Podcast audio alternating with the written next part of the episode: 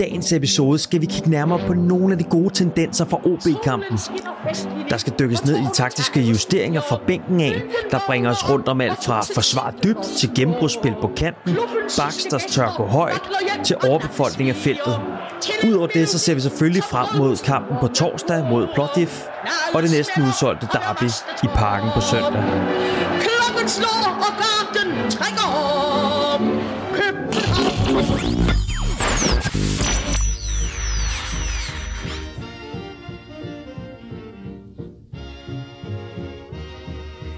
Velkommen til. Du har sat Absalons Radio i ørerne, din ugenlige podcast om FC København og alt, der rører sig i og omkring vores skønne, skønne klub.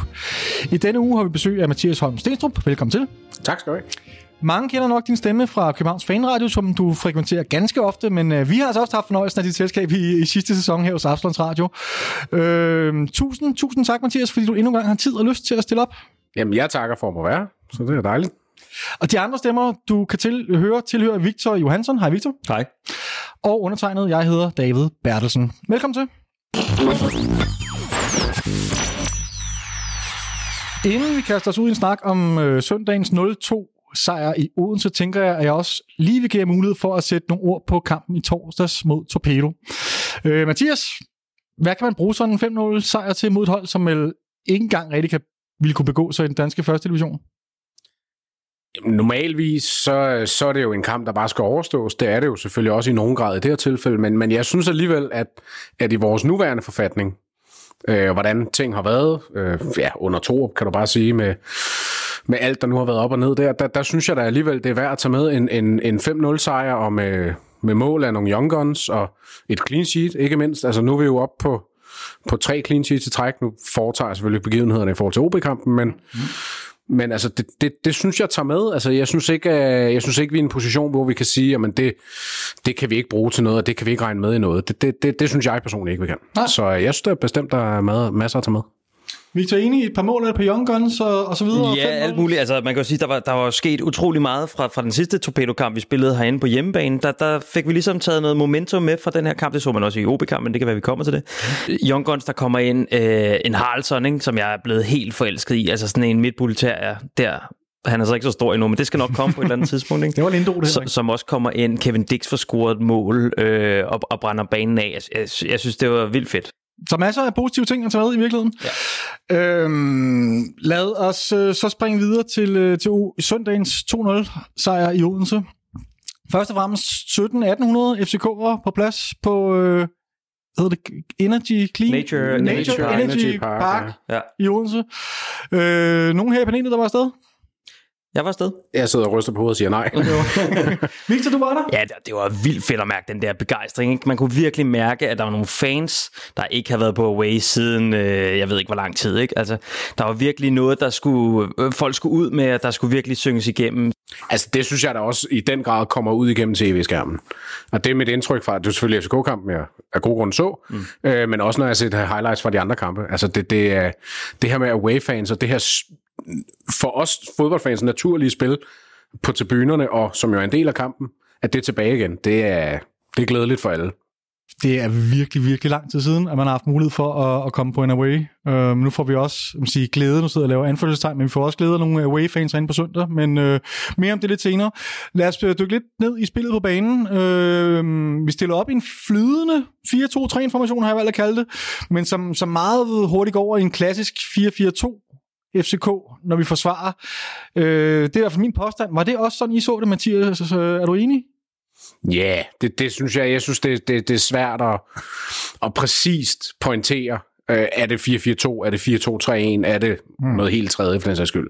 Man kan sige, Ståle midtbanen har lyst til at kalde den, med Sækker og Falk var jo så tilbage. Øhm, og så øh, Stage rykket ud på en, på en side. Mm. Så jo, en, en, ja, en, en, en mellemting mellem 4-4-2 og 4-2-3-1. Det er også noget med, alt efter hvornår du tager billedet om, ja. hvordan folk står og alt det der. Men, men altså, ja, jeg, helt generelt, så synes jeg, at vi over et par kampe nu har bevæget os over i, hvad der mere og mere ligner 4-4-2. Mm-hmm. Øh, oftere og oftere, og i længere perioder af kampene. Om det så er den nye plan, det, det er jo et godt spørgsmål. Og jeg synes, noget af det vigtigste, du siger der, det er jo netop, at vi har i virkeligheden afledet den der idé, om vi skulle have en tremandsmidtbane. Øh, det, det, det, det er nok det store skæld i det her, ikke fordi vi kan tale, talkombinationer op og ned, men det er netop, at vi har sagt farvel til den, og så har vi øh, så i virkeligheden stillet med, med to øh, centrale midtbanespillere, som, som vi også har været vant til med stole og så videre. Mm. Hvordan fungerer det så? Fungerer rigtig godt. Og, og det, der særligt fungerer godt, synes jeg, det er, øh, at vi forsvarer så dybt. Altså, vi turer forsvare så dybt. Jeg kan ikke huske, hvornår vi sidst har forsvaret så dybt i virkeligheden. Altså med, at vi, vi overlader i virkeligheden meget rum foran vores, øh, vores midtbanespillere til, til modstanderne. Øh, men i og med, at vi, vi forsvarer så dybt, så gør det også, at vi ikke bliver lige så sårbare over for, øh, for, for de hurtige OB-spillere, for nogle hurtige omstillinger osv.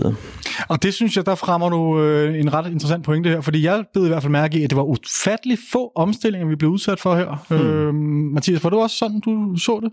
Ja, det er jo en meget god pointe. Øh, og for det, det er virkelig noget, der har kostet os øh, tidligere i sæsonen, og, og virkelig også i sidste sæson, at vi blev fanget i nogle omstillinger. Øh, Man kan også sige, at det er blevet en meget populær måde at forsvare på i Superligaen. Altså, vi så det også i sidste sæson med blandt andet øh, Brøndby og, og, og et hav af andre hold, som også valgte at stille sig forholdsvis langt tilbage og forsvare i virkeligheden.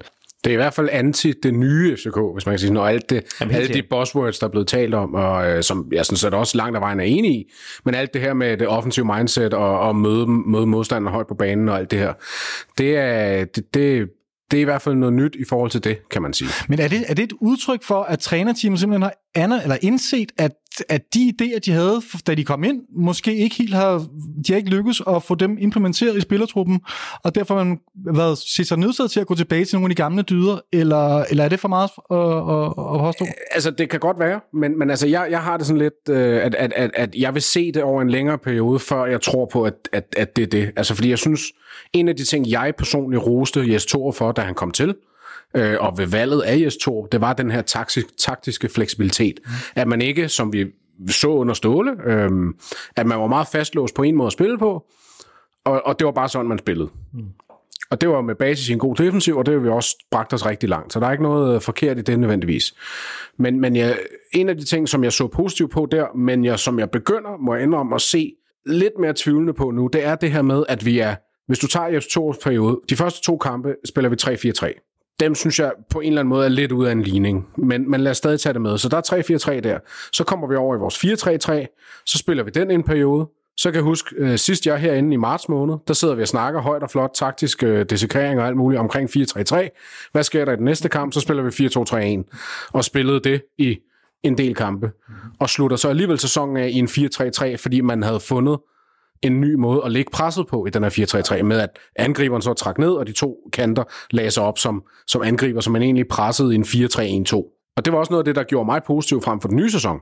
Uh, nu bliver det lidt langt svar, sorry. Hmm. Uh, men, uh, men det, som fungerede så godt i de sidste par kampe i ligaen sidste sæson, det har vi overhovedet ikke kunne få ud på banen i den her sæson. Og så kan det selvfølgelig godt, kan vi snakke om svær opstart og manglende spillere og alt det der. Men det er alligevel ret kort inden, man har ligesom set, okay, det fungerer ikke lige nu i hvert fald. Nu er vi så måske nærmere over i en 4-4-2. Mm. Så nu er mit spørgsmål så bare, hvor længe holder det? Altså det ser ikke... vi det i 3-4 kampe, og så er det 4-2-3-1 igen, eller 4-3-3. Det er ikke en uh, taktisk uh, fleksibilitet fra, fra Torps side? Jo, det er det, men, men, men når det er så diffust, har jeg lyst til at sige, mm. så bliver det mere en taktisk usikkerhed, mm. end en taktisk fleksibilitet i mit hoved. Mm. Og det er det, jeg mener med, at, at, at jeg er gået fra at være rigtig positiv omkring det, til faktisk at være en lille smule tvivlende omkring det. Mm. Fordi at nu føler jeg nærmere, at vi står et sted, hvor, hvor man lader til, udefra set i hvert fald, man lader til at være lidt i tvivl om, hvad er det egentlig det rigtige? Og, og, og ja, det er jo en positiv ting at kunne skifte rundt, men man skal helst kunne gøre det af gode årsager, ikke fordi, om nu er vi nødt til at prøve noget andet, så prøver vi det, så fungerer det måske i tre kampe. Nå, det gik så ikke mere, så prøver vi noget andet igen. Altså, jeg kunne godt tænke mig, at der var en lidt mere solid base omkring, hvad man gerne vil.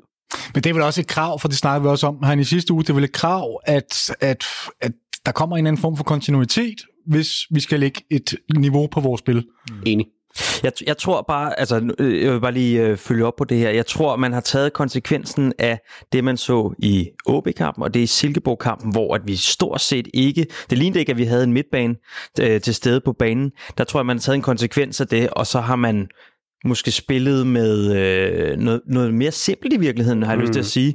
Øh, netop forsvar dybt øh, i nogle forholdsvis øh, altså 4-4-2 standard. Altså det, det, det går tilbage til nogle dyder, som måske ikke er så, øh, så avanceret. Ja, for der er jo også noget med, at, at øh, når du går ned i en 4-4-2, hvis vi skal snakke om talkombinationerne, så dækker du jo også rummene foran baksene bedre, end du gør i en 4-3-3, hvor kanterne ligger længere fremme og efterlader nogle huller i de rum, mm. som vi ikke altid har været super gode til at forsvare. Og så ender sikker med at løbe derud i sådan nogle halve hjerneblødninger en gang imellem, og så er det lige pludselig helt åbent ind på midtbanen. Så det er jo, det er jo en, en god konsekvens af det. Jeg vil så sige, nu, nu nævner du Silkeborg-kampen. Jeg synes heller ikke, at det så super godt ud på midtbanen, da vi spillede 4-4-2. øh, der synes jeg nu også, at de kom, kom rigtig fint igennem, men det var måske kampen i sin helhed, mm. så det er måske ikke taktikken, der er sønderen i den forstand.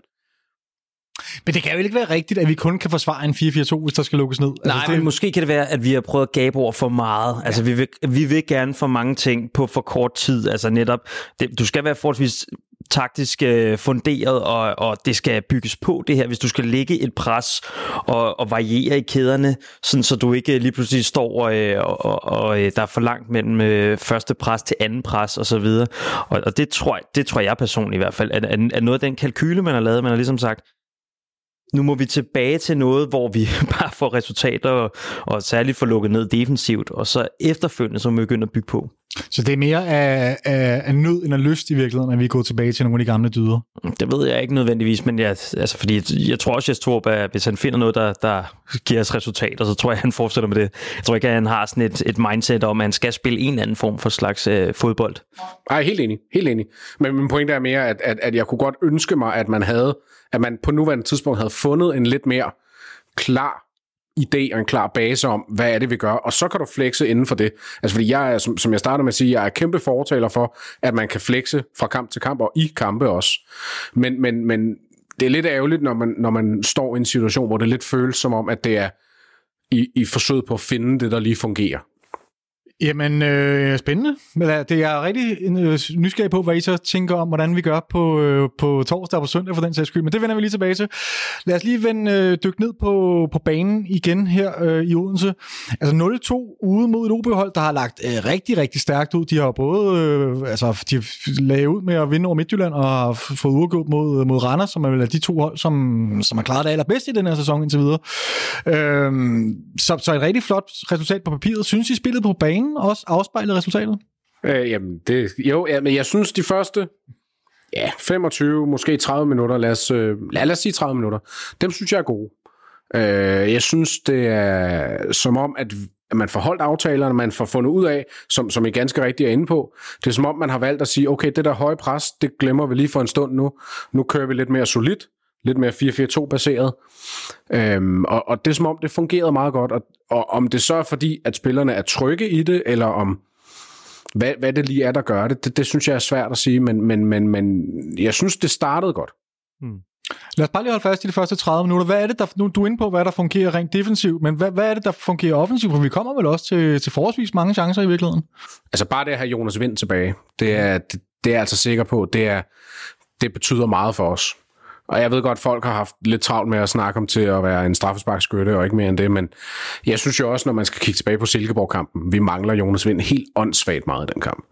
Altså det gør vi virkelig. Øh, og det er ikke for at sige, at havde vi haft ham, så vinder vi nødvendigvis.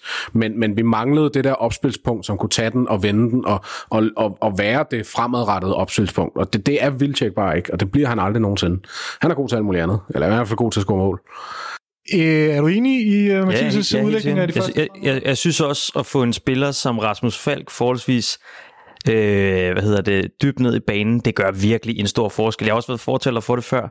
Øh, jeg har nærmest lyst til at kalde ham for en dybdeliggende playmaker, ikke, når han ligger dernede. Det kan godt være, at han ikke er super dygtig til at forsvare, men til gengæld så ved du bare, at du får en spiller midt inde i banen, øh, som, som du altid kan spille bolden til, og han skiller sig stort set altid af med den til en medspiller. Han taber næsten aldrig bolden, og det, det er bare en virkelig vigtig pointe, fordi det gør bare, at vi kan, vi kan skabe noget lige så snart det er, at vi, vi får bolden dernede fra. Jeg, jeg synes virkelig, det gør en stor forskel at have ham øh, på den position. Men nu tog du fat i noget, øh, som jeg havde øh, tænkt mig at, øh, at tale om, så lad os egentlig bare, lad os bare tage, lad, køre den videre her med Rasmus Falks positionering, fordi det er noget, der opfylder, eller hvad det, fylder rigtig mange øh, FC København-fans tanker, kan jeg se, når jeg bevæger mig rundt på de diverse sociale medier. Hvor får vi mest ud af Rasmus Falk? Og jeg kan ligesom forstå, øh, du synes, at vi får rigtig meget ud af ham, det er dybdeliggende. Uh, Mathias, er du enig? Fordi vi mister vel også noget med, med Rasmus Falk dernede. Ja, men, men så meget synes jeg faktisk alligevel ikke, vi mister efterhånden. Altså nu har vi haft Rasmus Falk i mange år, og han er en, en, en, en voldsomt dygtig teknisk spiller, og det, det ved vi alle sammen. Øh, og vi ved også alle sammen, at han har, hvis du skal kigge på hans stats, der har han sine mangler i forhold til både mål og assist. Altså, så jeg er sådan set enig i, at det er en god ting at få ham længere ned i banen. Også fordi et af de problemer, vi har haft, det er, når vi spillede tremands midtbanen, øh, måske også med Thomas midtbane i en 4-2-3-1 i sidste sæson for eksempel, øh, at vi mangler det der sikre spilpunkt, som, som du er inde på, Victor, mm. længere nede i banen.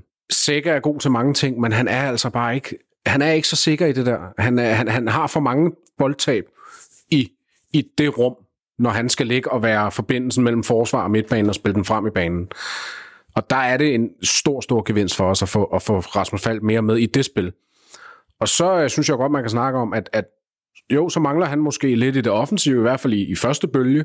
Men der har vi så Darami, vi har Jonas Vind, vi har øh, Vilcek og Jens Dage. Det er så de fire i går. Så kan man så håbe på, at øh, som, som dagene og ugerne går, at der så kommer flere til. Jeg tror egentlig, jeg synes, at Oh, ej, jeg, synes, jeg synes, det er svært, fordi at, at, at hvis, man, hvis man skal prøve at se bort fra det store billede, og se bort til, hvem man gerne vil have spiller, altså Lea og Stage og alt det der, mm. så synes jeg, så er jeg helt enig i, at Stage, er, undskyld, øh, at Falk han er bedre, når han kommer længere ned i banen og bliver, og bliver det der sikre spilpunkt. Mm. Det giver meget til vores hold. Men det er jo ikke, fordi han har strøget om som øh, afgørende assist og, eller, og, og mål i virkeligheden, mm. uanset hvor han har ligget henne. Og jeg tror også, det er i mangel, undskyld jeg afbryder. Jeg tror også, det er fordi, jeg havde forventet i virkeligheden, at, at på den position, der kunne man godt have lagt en Lukas Lea, men Lukas Lea har bare haft en periode nu her, hvor han har været virkelig uvenner med bolden. Mm. Øh, hvad det så end skyldes, det ved jeg ikke. Men, men det gør bare, at vi mangler den type i hvert fald derinde. Og der kan man jo sige, at bruge en Rasmus Falk derinde, eller jeg synes også, de gange vi har brugt en Pep Biel derinde, det, det er altså også noget, der, der virkelig vil noget, fordi du netop har en så dygtig boldspillende spiller. Og det giver os vel nogle muligheder med bold, når vi, i, i, som vi har været inde på de sidste par uger, Victor, vi har beklaget os lidt over, at der er blevet lagt for mange bolde fra forsvaret frem.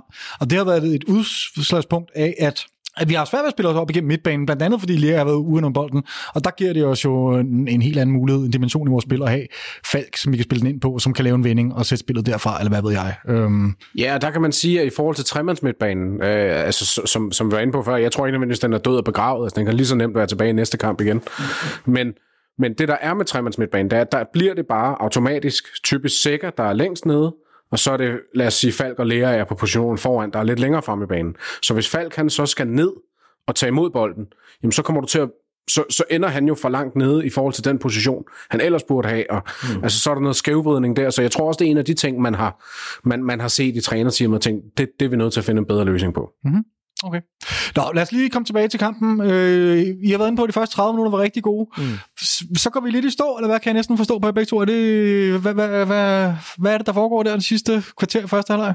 Jamen, jeg synes i virkeligheden, at vi kommer til at blive øh, forenkle i vores opspil. Altså, vi har ligesom den her ene, ene øh, gode mulighed, som vi også har lukreret på de første 15 minutter i hvert fald. Ikke? Vores venstre kant er virkelig eksplosiv. Altså med Mohamed Darami, der, der er bare i fuld flor, dribler, øh, afdribler den ene OB-spiller efter den anden. Men det bliver ligesom også den variant, vi har. Og øh, vi har jo også i virkeligheden i opstillingen skævridet en del af, øh, af hele vores spil, og, og ligesom lagt det over på, at, at det var også fra venstre siden, der skulle komme en eller anden form for indlæg, fordi vi netop har så mange hovedstødsstærke spillere over i den anden, og en Jens Dage, som søger virkelig langt ind centralt. Ikke? Øh, men, men det bliver sådan en uh, one-trick pony, mm. synes jeg lidt, fordi på et tidspunkt så bliver vi læst, og der kunne jeg faktisk godt savne netop, at vi slog sådan nogle lange bolde op øh, mod, mod øh, lad os sige, vores højre side, fordi vi, vi har så mange dygtige spillere, og vi vandt i virkeligheden, på det tidspunkt i kamp, der vandt vi også mange anden boldene, så, øh, så på et eller andet tidspunkt kunne jeg faktisk godt have savnet det der, altså nogle Grutolava øh, ja lægninger lige ude for, øh, for feltet i højre kanten. Så det er ikke fordi, vi mister momentum, vi, vi øh, bliver bare læst, eller man kan sige, OB kommer bedre ind i kampen? Ja, OB spiller sig mere og mere ind i kampen, men jeg tror også, det kom lidt som et chok, den måde vi gerne vil spille på. Det virker ikke som om, de var forberedt på det. Øh, anden halvleg. Der går ikke så lang tid, så står det jo 2-0. Øh, er, det, er, det, er, det, er det i virkeligheden et, øh, et spejlbillede af, af første halvleg, vi ser, hvor vi ligger rigtig godt ud, og så går vi lidt ud, efter der er spillet kvarter, 20 minutter, en halv time, eller... Øh, jeg, jeg synes jo egentlig ikke, vi starter anden halvleg særlig godt. Nej. Altså, jeg, jeg, jeg, jeg har opfattelsen af i hvert fald, at vi, at vi fortsætter anden halvleg, som vi sluttede første halvleg. Øhm, og jeg, jeg, jeg havde ingen særlig god fornemmelse, da jeg sad og så kampen derhjemme, og jeg sad og tænkte, det her, det, det, jeg er spændt på, hvor længe det her holder. Og så kommer der jo, altså så, så man kan sige, for hvert minut, der går, for hver aktion, der ikke giver mål imod, kan man sige, så på en eller anden måde giver det jo, giver det jo tro, eller ikke negativ klang, om ikke andet. Og så kommer det her mål jo bare.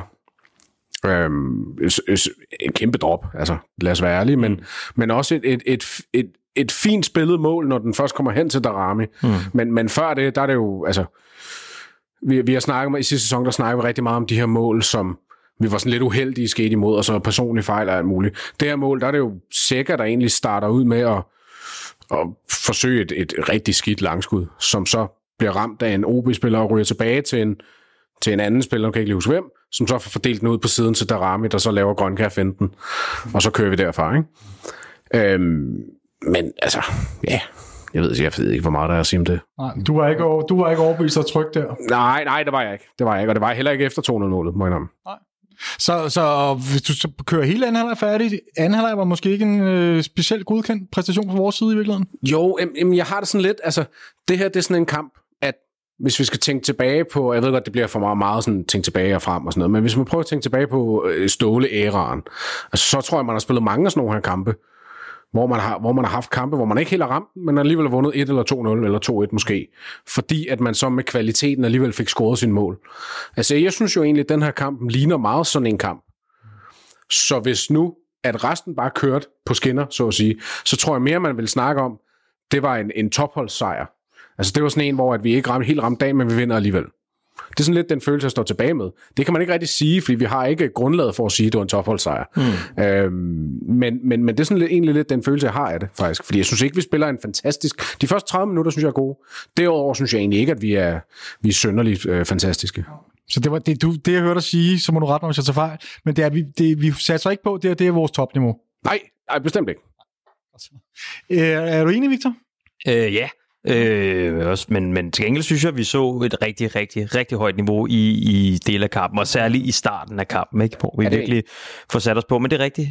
Altså, hvis vi skal have den der stime, øh, så kræver det jo, at, øh, at vi sætter flere kampe sammen, som ligesom både kan give en eller anden form for en... Øh, Jamen, den her topholds troværdighed, har jeg lyst til at sige. Mm. Den her, hvor, hvor vi som fans øh, ved, at jeg kommer til at tænke tilbage på den der øh, Sanka Johansson øh, øh, sæson, hvor ja. man bare vidste, at hvis det var, vi kom foran 1-0, jamen så blev der, der blev ikke lukket noget ind. Nej, lige præcis. Det, og det, den, den, men den, den skal vi jo kickstarte, og det, det starter jo med sådan nogle kampe her. Jamen, jeg, jeg køber også Mathias' fornemmelse af det der med, at det lignede der sådan en, en klassisk FCK-ting, øh, ting, hvor man ikke var sådan for alvor bekymret. Det ved jeg godt, du sagde, du var bekymret. Men, men man havde den der fornemmelse af, jo længere kampen skred frem, det er det, man set før, og det, det plejer sgu at gå meget godt. Mm. Og det, det er alligevel et års tid siden, jeg har oplevet det, eller mere i virkeligheden. Øhm, ja. I var inde på, eller Mathias, du var inde på, øh, på 200-målet. Øh, med, med Grønkær finden fra Darami ned til, til vores kære Victor Christiansen. Vores backs, altså de er jo involveret direkte i begge scoringer. Øh, og vi så, som jeg så det, langt flere offensive løb fra, fra begge backs i virkeligheden, især venstre side, men også, også Kevin Dix i højre side, øhm, end vi har set i utrolig lang tid. Hvor stor betydning skal vi tillægge det her backspil? Øh, det er forholdsvis gode spil på banen, og i hvert fald det flotte resultat. Jamen ret meget, tror jeg. Altså fordi, at øh, jeg synes, hvis man skal tage hver sin side, man kan sige, Victor Christiansen øh, har haft sådan en lidt blandet start, men jeg, en af de ting, som jeg tror kan gøre ham rigtig god, det er det at ligge på ydersiden af Darami. Mm-hmm. Fordi at Darami, han er, han er efterhånden vokset sig til at være en spiller, som, som alle modstandere holder øje med. Og som en spiller, der kan gøre alt muligt selv, og gøre alt muligt selv. Og så noget, der giver automatisk plads til en vensterbak. Altså nu sagde jeg Grønkær finden. Så hvis man bare kigger tilbage på Jesper Grønkær, fordi at han var sådan, han kunne gå den ene vej, han kunne gå den anden vej, han kunne gøre ting selv, han kunne, ja, han kunne lave alle mulige ting. Det gav bare plads til Oscar Vendt eksempelvis. Og det gør det bare helt automatisk. Det, kan sige, det mangler vi lidt på en højre side, Vi mangler lidt den der kantspiller, som, som giver pladsen til Ankersen. Det er måske også derfor, at Ankersen ikke helt er slået igennem endnu. Men der kan man sige, der, der vejer Kevin Dix så op for det selv, på en eller anden måde. Fordi han er så... Øh, jeg sad i mandags i fanradioen og fik kaldt ham eksplosiv. Øh, og det synes jeg, det er egentlig et ord, jeg synes dækker meget godt på ham. Jeg synes, han er, han er fanden i voldsk på en eller anden måde. Han, han vil frem af banen. Han, han vil noget. Han er meget hollandsk i sit spil mm. på en eller anden måde. Det er jo heldigt nok, når han er hollænder, kan man sige. Ikke? Men han er meget, øh, han, han er meget fremadrettet. Og det, det, øh, det skaber næsten den der højre side af sig selv. Det er selvfølgelig ikke kun hans er det slet ikke det. Men hvis du ser på 1-0-målet for eksempel, der er det jo også ham, der, der får en bold, lige øh, tager, tager lige træk, spiller den ind i et, et fint rum til Jonas Vind.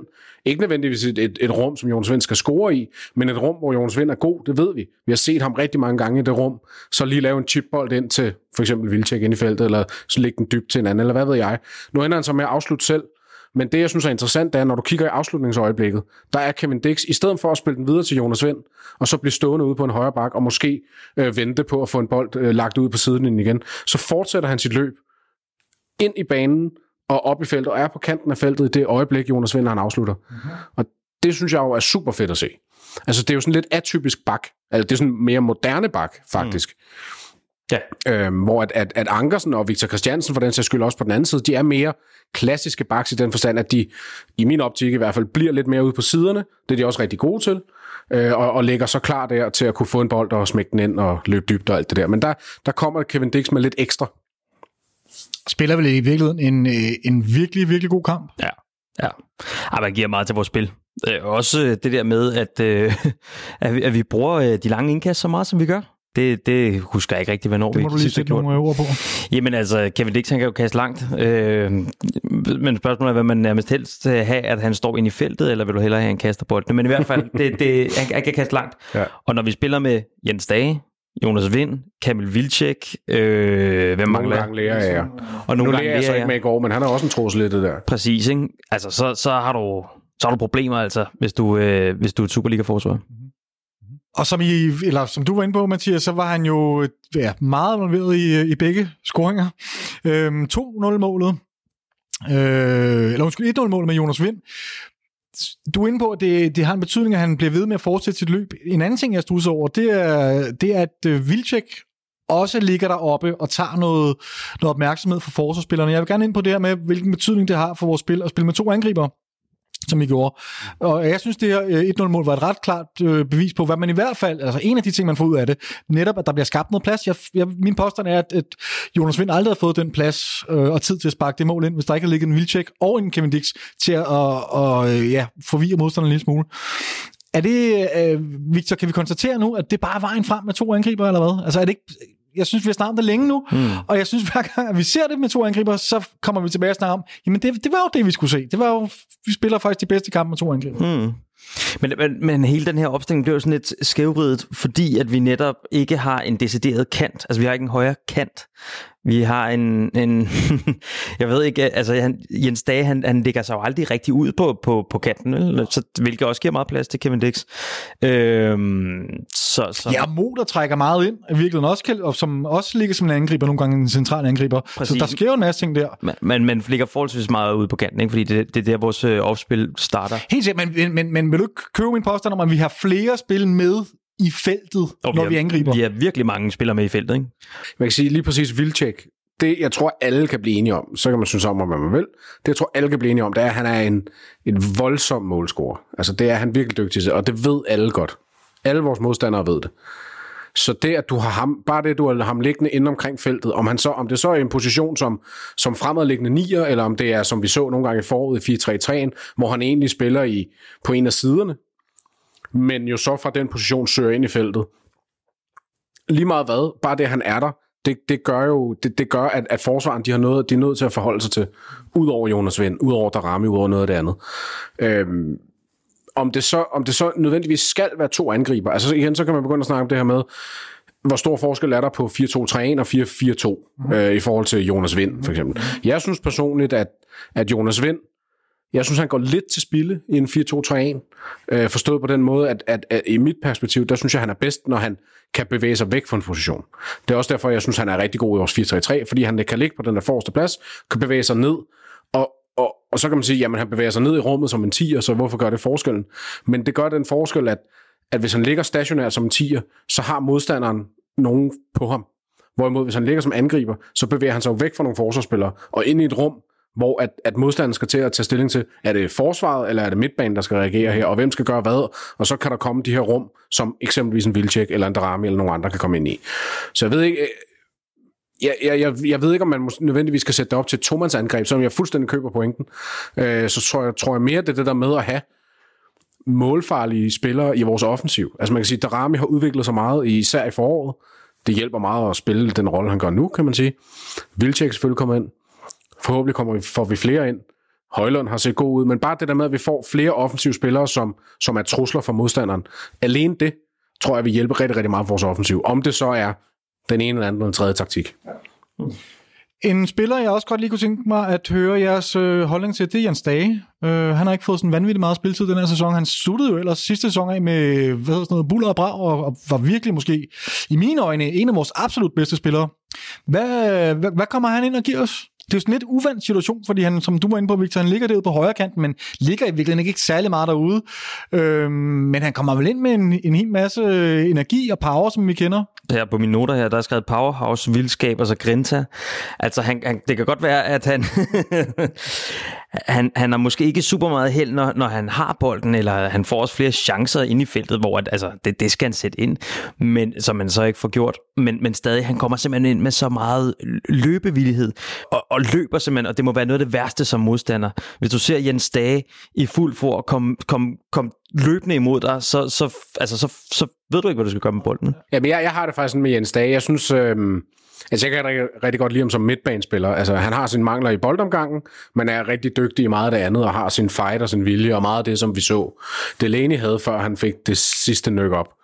Øh, men, men jeg synes også, at når Jens Dage så bliver offensivspiller, når han spiller en kant, eller kommer op i angrebet nærmest, minder han mig sådan, altså, det kan godt være, det kommer til at lyde helt væk, han minder mig om Thomas Müller. ja, okay. Altså, fordi Thomas Müller har, altid, har i mit hoved altid været sådan en spiller. Han er ikke sådan super god til noget. Mm-hmm. Men fordi han er bare, han er agerig, og han er sådan, mm. og han, han, han, han løber bare konstant, og han tonser, og, og går ind i duellerne, og det hele.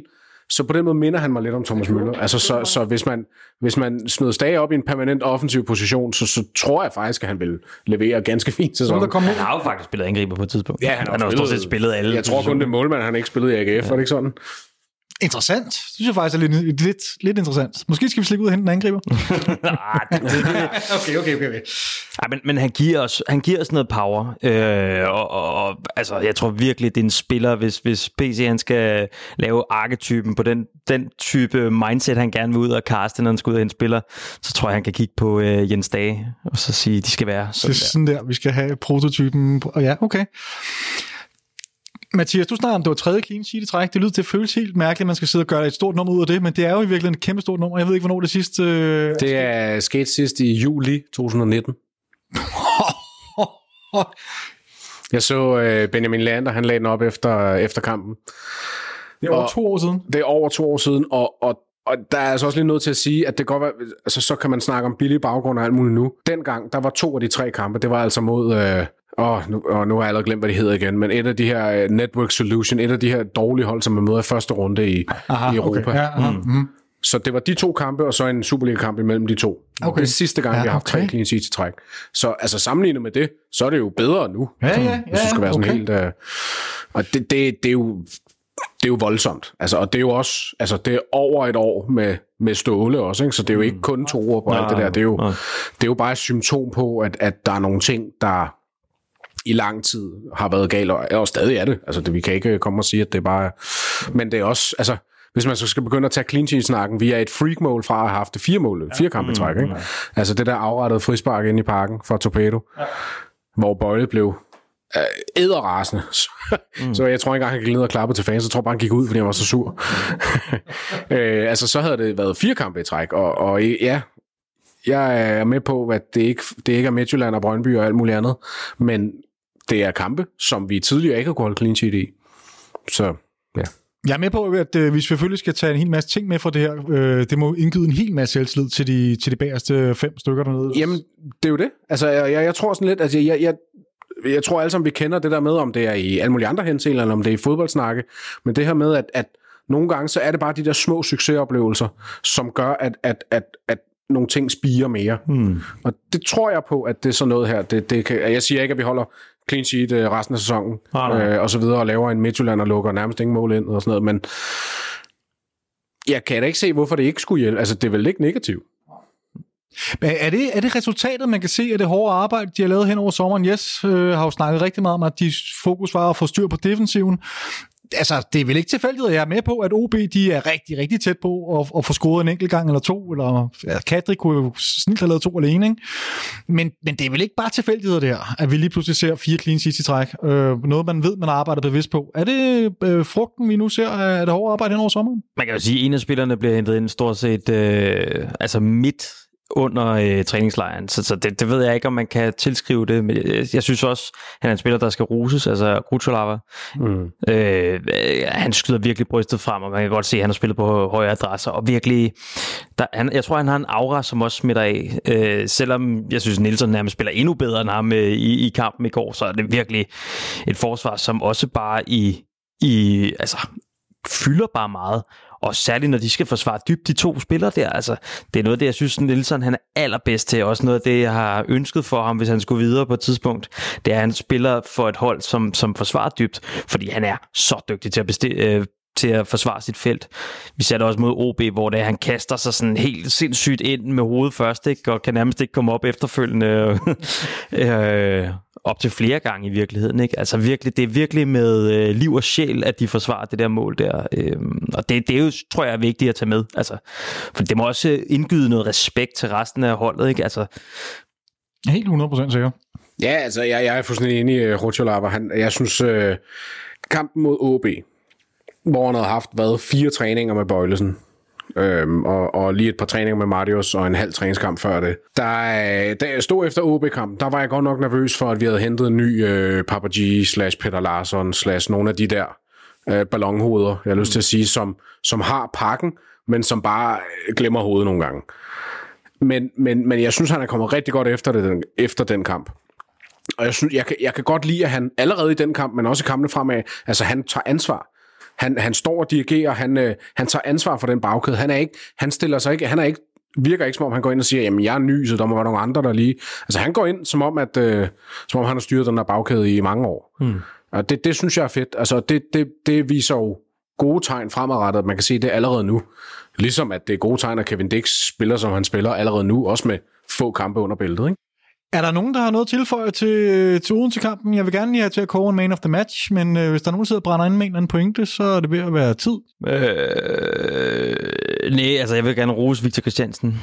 Jeg synes, øh, han spiller sig bare mere og mere op, ikke? Altså, og jeg ved ikke om senere, vi skal tale om, øh, hvad for et hold vi skal sætte til, øh, til weekendens kampe, har jeg lyst til at sige.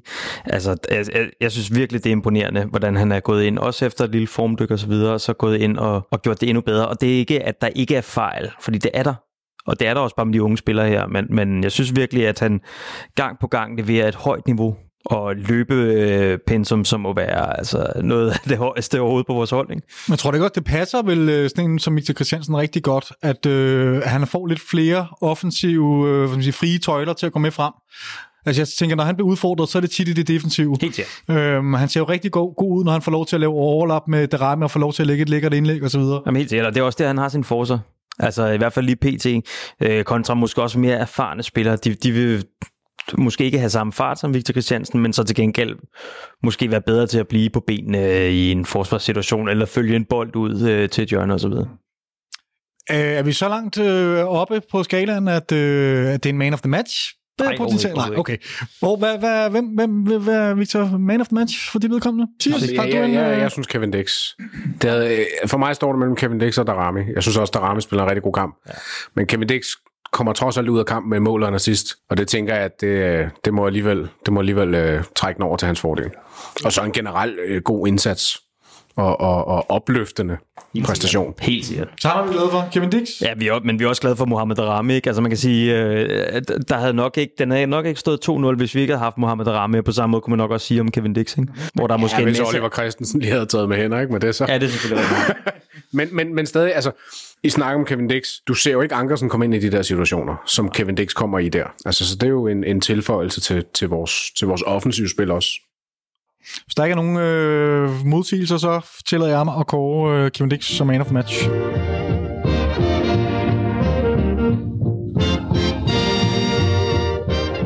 På torsdag skal vi ud i Europa igen, øh, og denne gang står vi over for Lokomotiv Plovdiv fra Bulgarien. Jeg har tilladt, at, tilladt mig at, at lave en lille bitte profil af, af vores bulgarske modstandere, som jeg håber, I vil bære over med mig og, og lytte til. Lokomotiv Plovdiv hører hjemme i Plovdiv, Bulgariens næststørste by med ca. 350.000 indbyggere. Klubben blev etableret i 1926 og var traditionelt en klub for arbejderklassen. Mange i byen beskæftigede sig med jernbaneindustrien, og klubbens kælenavn er da også Jernbanearbejderne. I sidste runde var vi op mod øh, den hviderussiske mineindustri, og denne gang bliver det altså så den bulgarske jernbaneindustri, vi skal prøve kræfter med. Mere eksotisk kan det næsten ikke blive. Øhm, de har et enkelt bulgarsk mesterskab på CV'et tilbage i 2004. Til gengæld har de så vundet pokalturneringen to år i træk. Øh, de har aldrig været i et europæisk gruppespil, selvom de sidste år var ganske tæt på at skabe en sensation, da de knepen kniben røg ud til Tottenham i kvalifikationen til Europa League med et spinkelt 1-2 nederlag. Der var på grund af corona-restriktioner, var der kun én kamp øh, sidste år. Ellers så må jeg nok indrømme, det er noget sparsomt, hvad jeg kunne snuse op. Øh, de ser ud til at vækse mellem en øh, 3-4-3 og en 3-5-2-formation, og Transfermarkt vurderer deres samlede trupværdi til at ligge øh, lige under 7 millioner euro, mens vi vurderede til knap 38 millioner euro, altså cirka en femdobling af deres værdi. Eller sagt på en anden måde, en af vores spillere har mere værdi end, øh, end hele deres hold til sammen. Hvad siger I? Det er vel ikke et hold, der ligefrem indgyder øh, den sådan helt store respekt? Jeg har det personligt sådan, at nummer to fra Bulgarien, synes jeg ikke er et hold, som bare er sådan, om den skal vi bare slå. Hmm. Øh, det er et hold, vi selvfølgelig ud fra selvforståelse øh, skal slå, og vi er ranket bedre end dem, og Danmark bedre end Bulgarien og alt det der. Så på den måde skal vi selvfølgelig have slået dem, eller skal vi selvfølgelig vinde, men jeg synes ikke, det er sådan noget, at den kan du forvente at vinde øh, 3-4-0. Når det så er sagt, så er de ikke startet særlig godt. Øh, de har spillet fire kampe indtil videre den her sæson. Deres første kamp, det er på hjemmebane i deres første opgør mod Slovako, som de lige har slået ud. Den vinder de 1-0. Så taber de deres første ligakamp mod Ludogorets 3-1. Så taber de 1-0 til Slovako på udebane, går så videre på straffe, og tabte så øh, i søndags 1-0 til nyoprykket Lokomotiv Sofia. Så det er jo ikke en god, særlig god start. Altså, de har tabt tre ud af fire kampe. De tre seneste har de faktisk tabt.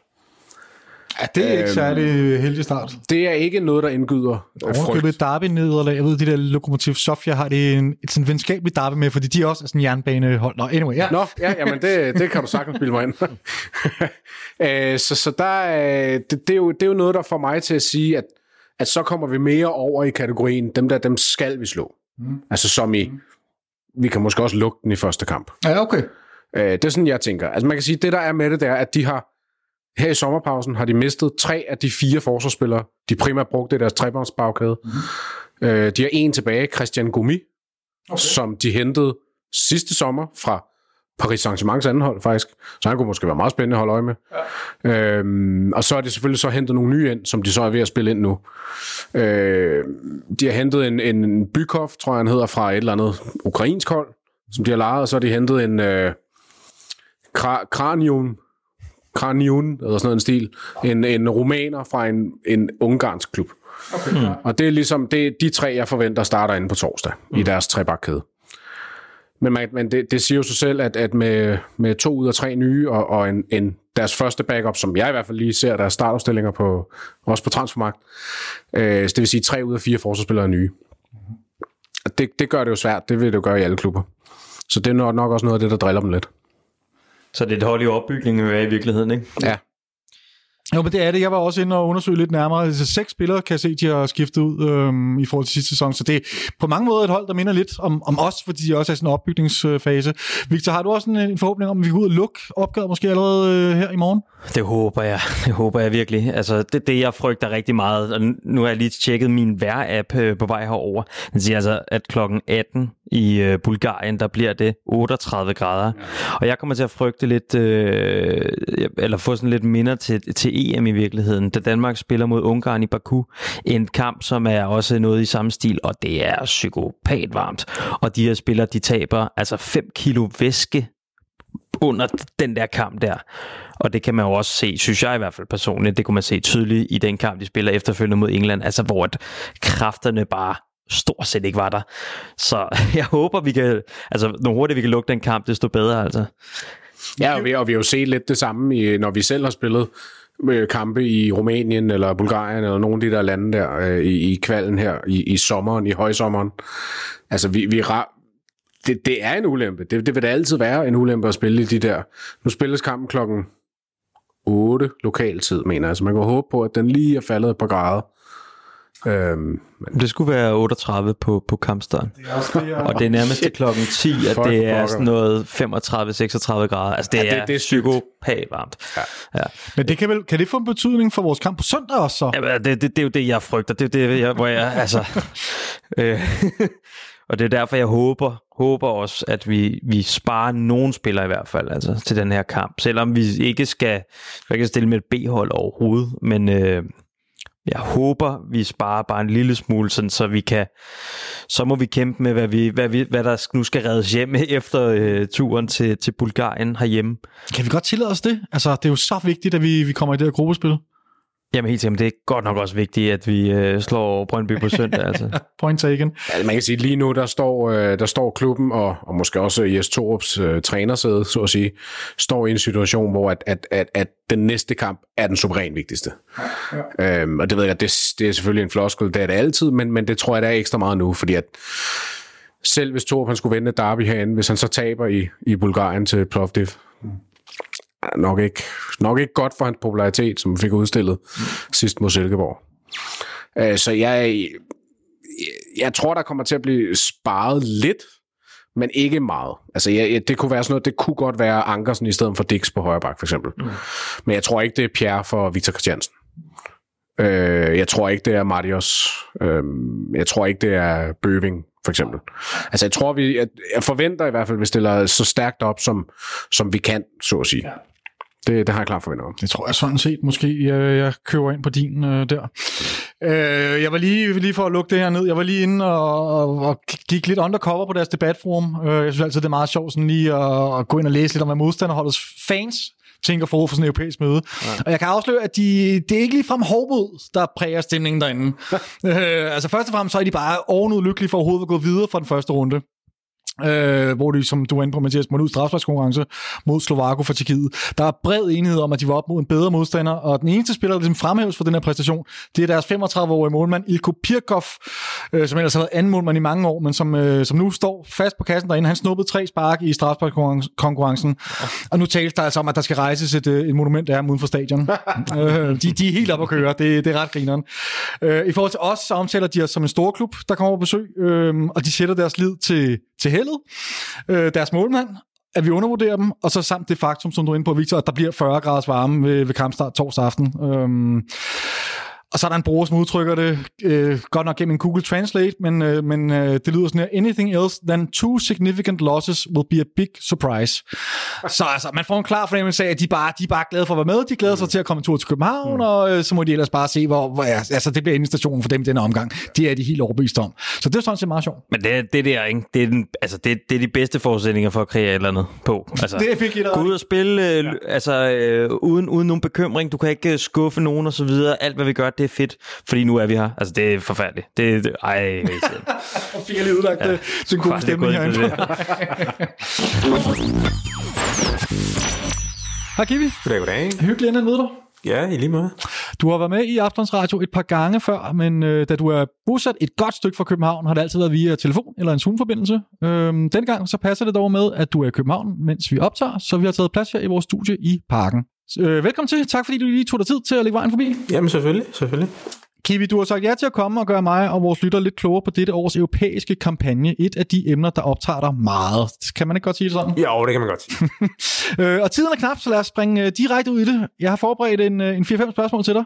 Det første lyder således. Torsdag, der står vi over for Lokomotiv Plovdiv fra Bulgarien. Kiwi, hvad er din vurdering egentlig af Bulgarien og, og vores muligheder for at gå videre? Jeg tror, at FCK har rigtig gode muligheder for at gå videre. Det er ikke lige frem et hold, som har sprudlende superstjerner. Det er, jeg har svært ved at se nogle af de her spillere komme, øh, som bulgarerne har, komme på i startopstillingen hos FCK. Okay, så, så hvis du skal rangere dem i forhold til, til vores tidligere modstander fra Torpedo, er, det, er vi helt nede på det niveau, eller er det trods alt næste skridt på vejen? Det er trods alt et, et skridt op. Ja. Øhm, jeg vil vurdere dem til at være måske på niveau med et, øh, med et Superliga-hold. Øh, ja, Okay, yes. i den lavere, i den lavere ende. Ja. Hvis det så skulle lykkes at komme videre for Plovdiv, så venter vinderen af opgøret Sivasspor fra Tyrkiet og Dynamo Batumi fra Georgien i næste runde. Din umiddelbare reaktion på lodtrækningen? Um, min første tanke var, at uh, FCK skal jo håbe lidt på en overraskelse fra Georgierne, ja. fordi det her tyrkiske hold uh, har nogle interessante spillere, som uh, jeg kunne nærmest ikke forestille mig, at uh, hvis jeg var PC, så havde jeg måske endda kigget på nogle af de her spillere for at se, om de måske kunne være, være interesser. Jeg tror også, at der er klubber, uh, hvis egen PC også kigger på nogle af de her spillere. Eksempelvis har de en øh, kantspiller, øh, som hedder Max Gradel fra Elfenbenskysten, som har været med til, til OL, mm-hmm. øh, netop for Elfenbenskysten. Øh, han er deres øh, topscorer fra sidste sæson, og deres assistkonge også, med øh, 14 assists og 11 scoringer. Så øh, det er ham, man primært skal holde øje med. Mm-hmm. Og så har de også øh, fået hentet nogle, nogle spillere fra, øh, fra Ligue 2 i Frankrig, spiller med, med fortid der. Øh, Så det er bestemt ikke et hold, man skal, man skal undervurdere. Det er en svær løgtrækning. Øh, mhm, Modtaget.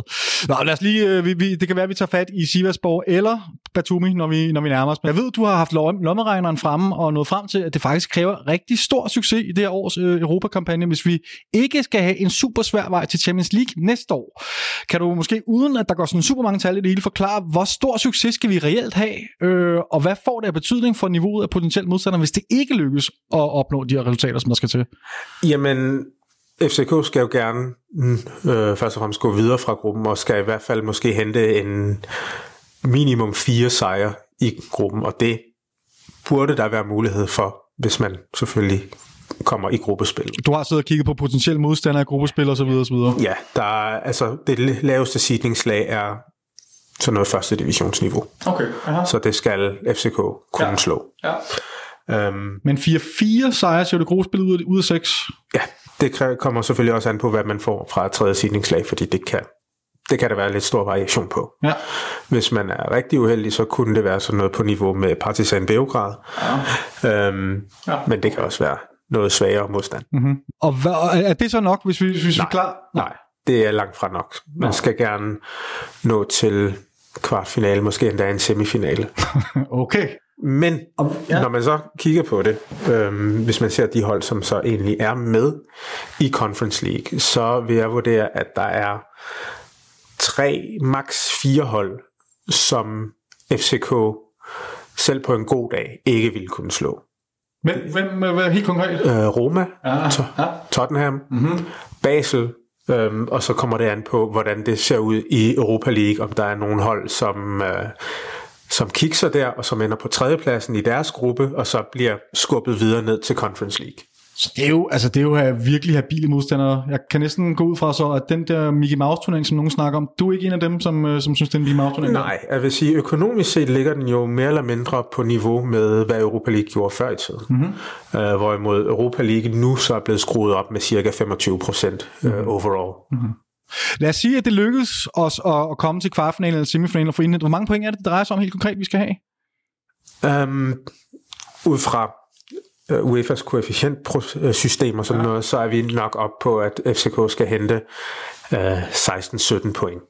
Og hvis det lykkes at få til 16-17 point, hvad får det så af betydning i næste sæson i forhold til potentielle modstandere i Champions League kvalifikation? Hvis vi antager, at FCK bliver danske mestre, ja, så vil det betyde, at man har en større sandsynlighed for at kunne være seedet øhm, hele vejen frem til gruppespil. Mm. som det ser ud lige nu, hvis FCK skulle ryge ud på nuværende tidspunkt, ja. så øh, ville det se meget vanskeligt ud i det hele taget at, blive, at være seedet i tredje kvalrunde. Okay.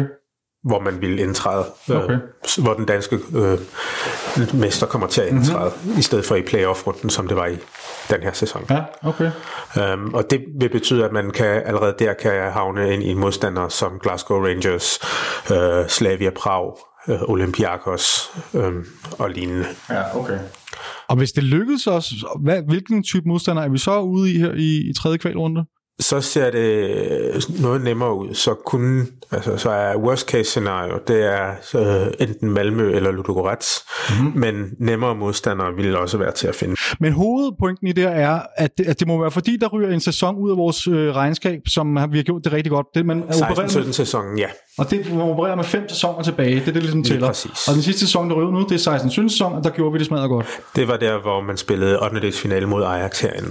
Okay, så det er ligesom det, vi er op imod. Det er de point, vi skal på en eller anden måde have skrevet Lige sammen. præcis. Men det er jo ikke fuldstændig umuligt at opnå noget lignende, øh, hvis vi kigger på øh, 1920-sæsonen, mm-hmm. som europæisk set faktisk var en, en bravende succes i forhold til point. Også selvom øh, den jo nok for de fleste FCK's fans vedkommende jo var, var skæmmet af øh, nederlaget til Røde Stjerne.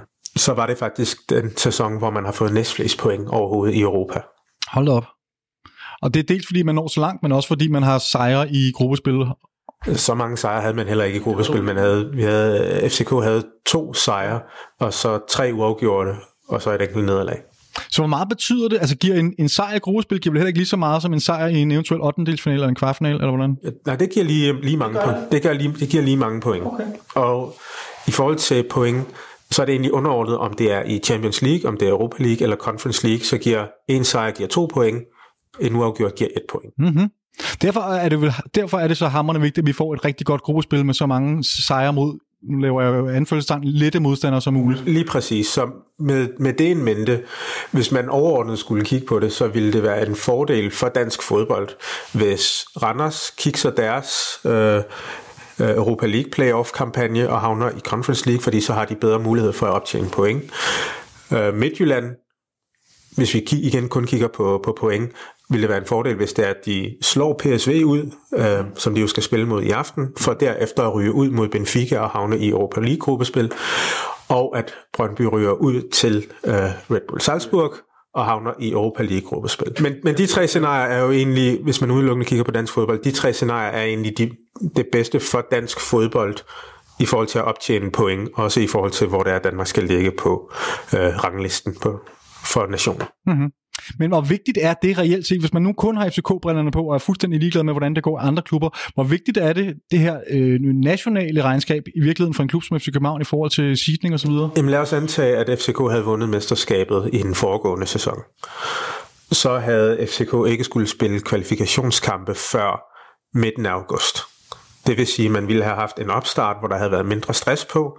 Man ville have haft mere tid mellem kampene op til de europæiske kampe til at få indprintet nye systemer, øh, få integreret nye spillere.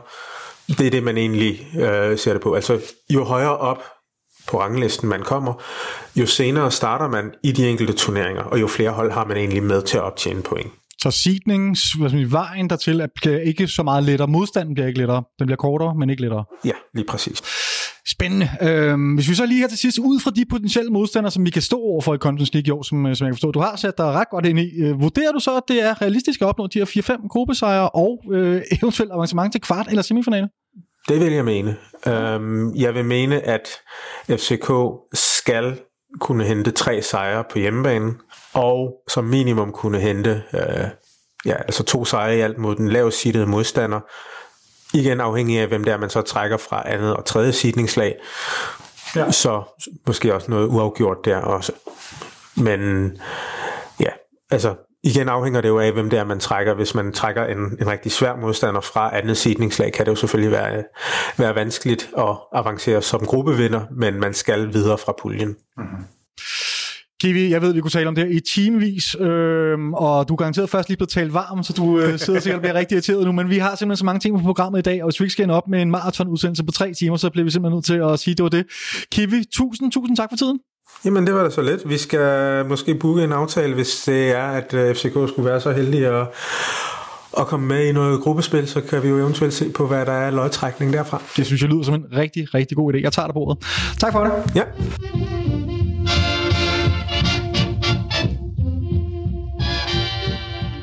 Nå, men så lad os springe til søndagens kamp mod Brøndby. Ja. Uh, det er også noget, der ligger rigtig mange på sinde. Uh, man forventer et udsolgt parken, eller i hvert fald tæt på. Der er solgt omkring, hvad var det, 28.000, jeg fik læst? 27? 27,5, tror jeg. 27,5. Uh, her tirsdag formiddag, hvor vi sidder og optager. Uh, det bliver i hvert fald tæt på udsolgt, og der kommer Brøndby-fans på lægterne. Hvad, hvad, sådan helt for jer personligt, Mathias, hvad betyder det for dig, at vi skal ind og opleve et derby med næsten en fyldt stadion og, og Brøndby-fans? Og, Det glæder jeg mig meget til, altså fordi at selvom vi ikke kan lide hinanden og alt det der, så er det en stor del af derby at stå og have nogen at stå og råbe og skrige af. Øhm, og det er bare noget andet at stå og råbe og skrige af en, af en, en, en fangruppe, end det er at stå og, og skrige af et hold eller nogle spillere. Så det, det glæder jeg mig meget til. Det glæder jeg mig rigtig meget til. Også, altså, så hjælper det selvfølgelig lidt, at, øh, at det faktisk virker, altså lige nu, i hvert fald lige i dags dato, så, så synes jeg også, at vi står bedre end Brøndby. Øhm, Brøndby, de har jo ja, solgt alt, hvad der kunne gå og kravle, skulle til at sige. Ikke? Så øh, ja, men det, men det glæder, mig, det glæder mig rigtig meget til. Og den der, det der liv på lægterne, som, som Derby jo er essensen af, det, det, er, det er jo det der spil på tribunerne. Og som vi ikke har oplevet nu, kan jeg jo fornemme, at du har styr på sådan en, der har styr på datorer. Øh, eller var det bare lige Benjamin, Benjamin Landers, du lige så Ja, tilfældigvis? øh, nogle hvor, gange. Hvor længe siden er det, vi har haft et, et, et, et derby herinde med udebanefans og fyldt stadion? Det må være, ja, det er 1. december 2019, må det være. Okay. Går ud fra. Hvor fik Victor Fischer score to. Men det, og det var ikke der, hvor de boykottede? Jo, det er 1. december. 1. december. Hvor Ja, vi 2019, havde 29.000. Der var 29.000. Og, og Brøndby-fans på lægterne? Ja, der var i hvert fald Det må være, ja, lægterne, det må have været. Den blev, Jamen, det har der været. Altså, og så, ja, så kommer rammer corona jo så en ja. to måneders tid senere. Ikke? Så knap to år siden. Ja. Victor, hvad, hvilken betydning tror du, det får? At, øh, hvad, hvad, hvilken betydning har det for dig at skulle ind og opleve et fyldt, fyldt parken? Eller næsten fyldt parken? Ja, det bliver fedt, og især, nu fik jeg lidt en, eller ikke en forsmag på et fyldt parken, men jeg fik virkelig noget af den der Odense-kamp. Ikke? Man kunne virkelig mærke, mærke at, at folk havde virkelig, virkelig savnet både at være på away, men også bare være samlet igen i virkeligheden, og der var sådan en gensynsglæde, og, og det er der også for mig personligt. Altså, jeg, det der, man kan mærke, det summer lidt i byen. Ikke? Mm, og det mig allerede nu. Det er så skønt, altså. Jeg ved, du har set lidt nærmere på, på Brøndbys forfatning, Victor. Er det, er det noget, vi skal eller frygte, eller hvad? Altså, det, det, det er et godt spørgsmål. Det er jo virkelig, i forhold til de sidste to gange, vi har mødt dem i hvert fald, ikke? så er det, jo, det er jo et Brøndby-hold, som har skiftet ud på stort set alle positioner, har jeg lyst til at sige. Altså, øh, sidst vi mødte dem... er større udskiftning hos dem end hos os nærmest. Ja det, ja, det er lige før. Altså, sidst vi mødte I dem... hvert fald i startelveren. Ja, det må man nok sige. Sidst vi mødte dem, der havde de Marvin Schwebe, øh, deres målmand, og så et øh, forsvar bestående af Maxø, Anthony Jung og øh, Hermansson. Ingen af de spillere er i klubben mere. Så det, det er et komplet nyt forsvar, vi står for. Og jeg ved godt, vi har mødt Sigurd Rosted og sådan noget før, ikke? men det er stort set nærmest den eneste der har, af, af de spillere, der er nu, som har spillet på den position i Derby. Altså, det, det, det synes jeg er ret ekstremt. Altså, det virker virkelig som om, at CV han har skåret alt fedt fra i den klub. Altså, øh, og, og- jeg havde det sådan lidt, hvis jeg skulle øh, ligesom tage fodboldmanager-briller på, så, så den, den spiller, du ikke måtte skære fra, du kan godt skære, hvad hedder det, Jesper Lindstrøm fra. Jeg tror også godt Michael Ure. Jeg tror i virkeligheden også stort set alle andre spillere, men den spiller, du ikke må tage fra, det var Andreas Marksø, som er på vej til FC Rostock, men, men ikke kan komme derover nu her på grund af nogle visumregler øh, i, i forhold til lægetjek og så videre. Men det var, det var lederen, det var ham, der altid kunne finde ud af at lukke øh, Jonas Vind ned, og, og hele tiden finde ud af at dirigere det der tremandsforsvar. Og jeg tror, det bliver så svært at finde en erstatning for ham. Så, så jeg har det sådan, at vi, vi kommer til at stå i virkeligheden lidt ligesom den der øh, Plotif-kamp øh, der, at vi kommer til at stå over for et helt nyt forsvar, som ikke er spillet ordentligt sammen. Og det har også været tydeligt i de kampe, de har spillet, blandt andet mod Vejle her, hvor de lukker to mål ind. Ja, og, og man kan sige, det, det der er især med det, det er, at, jeg, jeg var sådan lidt spændt på, hvor, hvor stor effekt det vil have, fordi en ting er, at det er vigtige spillere, men altså det, jeg synes bare Brøndby rigtig, rigtig meget sidste sæson, selvfølgelig er der nogle spillere, der peakede, sådan vil det altid være, mm. men det var, fordi de havde et helt klart og tydeligt koncept i deres øh, taktik. Hvis du tager slutningen på forrige sæson, øh, hvor Niels Frederiksen han, øh, han går over i det her 3-5-2, er det vel. Der spillede de hele forårssæsonen og, og, og lukkede meget få mål ind. De scorede heller ikke rigtig nogen mål, men de lukkede meget få mål ind. Det fik de så bygget på til sidste sæson her. Mm. Så det vil sige, at selve det taktiske fundament er jo på plads. Men lige meget hvor meget det er på plads, så er du nødt til at have noget kvalitet. Og det virker som om, at, at det spring lige nu i hvert fald er for stort. Altså bare det med, at de har Tobias Børkheit nede som en af deres tre forsvarsspillere. Ja, som er de omskolet midtbanespiller. Er, er nød, ligger, virker det til. Ja. Øhm, og, og Jens Martin Gammelby spiller også i, i hvad hedder det, i, i Vejle her. Han var, jeg tror, at øh, mange Brøndby-fans og, og mange neutrale, neutrale folk havde regnet med, at han var, han var nok færdig i Brøndby. Måske ville han få en chance igen på, på en vingbak, ikke? Men altså, det, det, det, det, det, det, det er mærkeligt, det der foregår. Så jeg synes, det er mærkeligt, at man ikke har ageret. Men jeg ved godt, at man er meget fast tro mod sin strategi og sidder lidt på pengene, og det er også forståeligt nok, når man nu har haft været igennem mange år med, med, med rigtig dårlig økonomi. Men jeg kan simpelthen ikke forstå, at man ikke har været ude i bedre tid.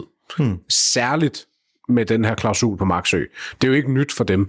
Det er nyt for os andre, men det er jo ikke nyt for dem. Det har de jo hele tiden vidst.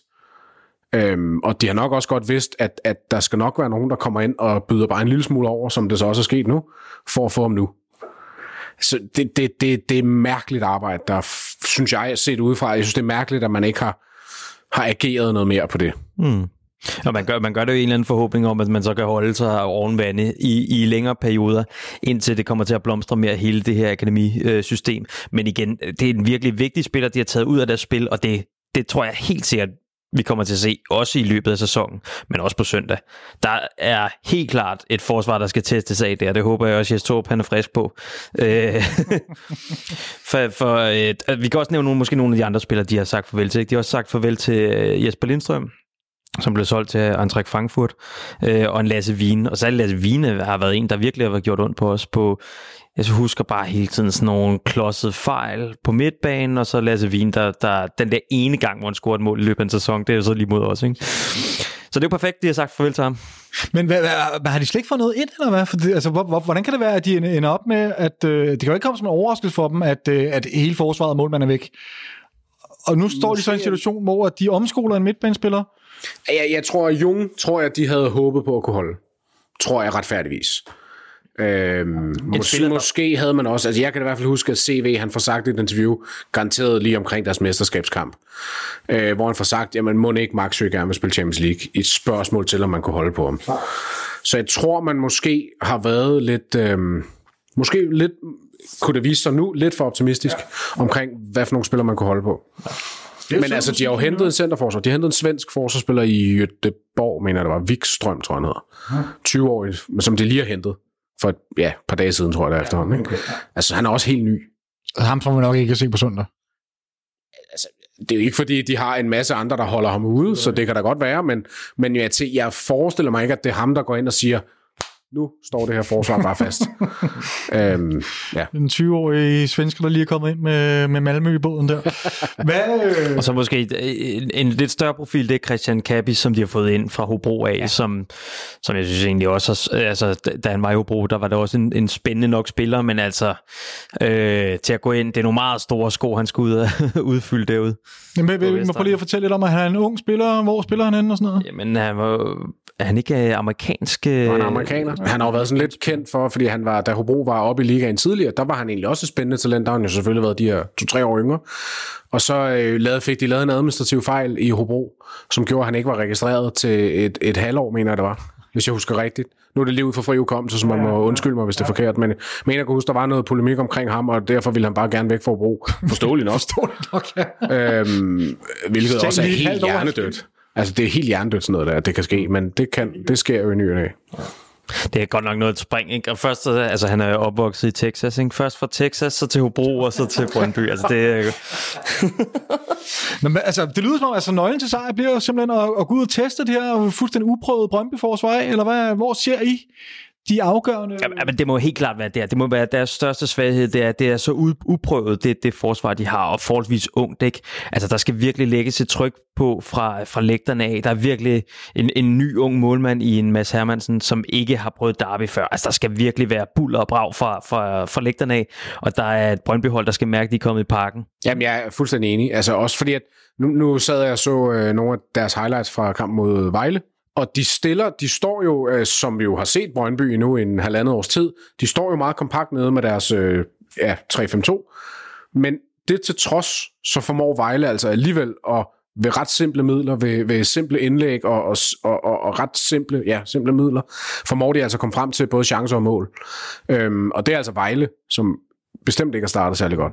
Så det skal, altså det, nu siger jeg bare, altså det lyder som om, at altså, et derby er et derby. Ja, ja, ja. Altså om det ene hold så en lykker i anden division, så vil det altid være tætte kampe. Mm. Øh, og det vil jo selvfølgelig også øh, skinne igennem i den her kamp. Det, det er jeg ikke i tvivl om, men, men øh, altså jeg, jeg er jo sådan en, øh, jeg skulle engang for sjov øh, beskrive mig selv, med sådan en, en, en sjov sætning, sådan, det var sådan noget arbejdsrelateret, hvor jeg sagde, øh, heldigvis jeg havde mange kolleger på det tidspunkt, der er kendt til fodbold, og der havde det sådan, den bedste måde, jeg kan beskrive mig selv på, det er, at, at jeg kan altid finde argumenter for, hvorfor at vi udrydder den der 5 0 til en derby. og det kan jeg til alle derbykampe. og, og argumenterne er her også den her gang. Men, men igen, hvis jeg altid kan finde dem, så ved jeg ikke, hvor troværdigt det er. Nej, men der er ekstra god grund til at have lidt optimisme den her gang, synes jeg. Også fordi man kan se, altså jeg har en fornemmelse af, at, at de har, du er inde på Mark, altså hele forsvaret, men Marksø var vel en af ligands bedste spillere i luften. Jeg ser en anden fornemmelse af... Var også duelspiller. Også duelspiller måske, men jeg, jeg, men, men, men jeg ser, at de lukker sindssygt mange, eller de tillader utrolig mange chancer på deres indlægsspil, som du også er inde på. Det var let for Vejle at komme til chancer mod dem. Ja. Øh, det virker som om, at de har mistet sindssygt meget i luftrummet derinde. Og det tænker jeg bare, det er der guf for Vind, Vilcek, Stage, trioen der. Ja. Altså, mm. det er det, jeg forestiller mig. Kevin Dix. To hovedstødsmål. Kevin Dix ja. også, ja. Nå, men, flere derind, altså. ja. Nå, men, men helt alvorligt, altså Kevin Dix kunne være en rigtig stor ingrediens, netop fordi, at at en af fordelene, der kan være at spille mod et tremandsforsvar, det er det der med, at når der så kommer en bak i det her løb ind, så er der nogen, der skal tage stilling til ham, og det kan være, at han kan finde det her rum mellem, mellem to spillere.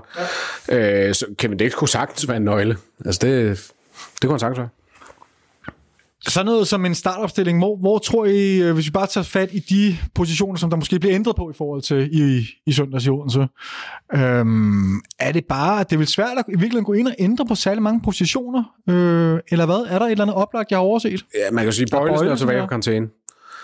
Øh, Men, hvordan løser vi den forsvarskabale der? Ja, det er jo så det. Det er jo, det er jo så netop det, altså fordi at jeg er overbevist om, at Bøjlesen han er tiltænkt som centerforsvar. Okay. Øh, generelt set, ja, i, når man når ja. i trupsammensætningen. Prøv lige stop der, fordi det synes jeg faktisk er meget interessant. Hvis, hvis Bøjlesen er tiltænkt, så har vi Victor Christiansen som venstreback, mm. og Pierre Benson som en backup. Ja. Men, så får vi okay. Sanka. Jo, når Nelson ryger. Når Nelson ryger. Okay, yes, jeg skulle bare lige øhm, det tænker jeg. Mm-hmm. Men altså, man kan sige, i forhold til den der kabale, altså ja, Victor Christiansen, venstreback, Bøjlesen, centerforsvar, man kan også spille venstreback. Mm-hmm. Øh, det var faktisk min pointe med at sige det, at jeg tror faktisk, at han spiller venstreback mod Brøndby. Øhm, sådan så han spiller med mindre Nelson og solgt i mellemtiden selvfølgelig, så spiller han så med Nelson og Kocholava i, i forsvaret. Men, men min sidste pointe omkring det der, Kevin Dix, at jeg synes, det var interessant, da man, da man præsenterede ham, der blev han øh, præsenteret som forsvar og midtbane. Altså FC København, de lagde sådan på Instagram, der lagde de både ved købet af Rotolava, men også af øh, købet af Grabata og, og selvfølgelig Kevin Dix, der lagde de sådan en lille fact sheet op, på, i hvert fald på Instagram, det er det eneste sted, jeg kunne finde det, hvor der sådan, hvor der står øh, antal mål og antal kampe og sådan lidt af hver, og så position. Og ved Kevin Dix, der stod der forsvar og midtbane. Der stod ikke højre bak. Der stod forsvar og midtbane.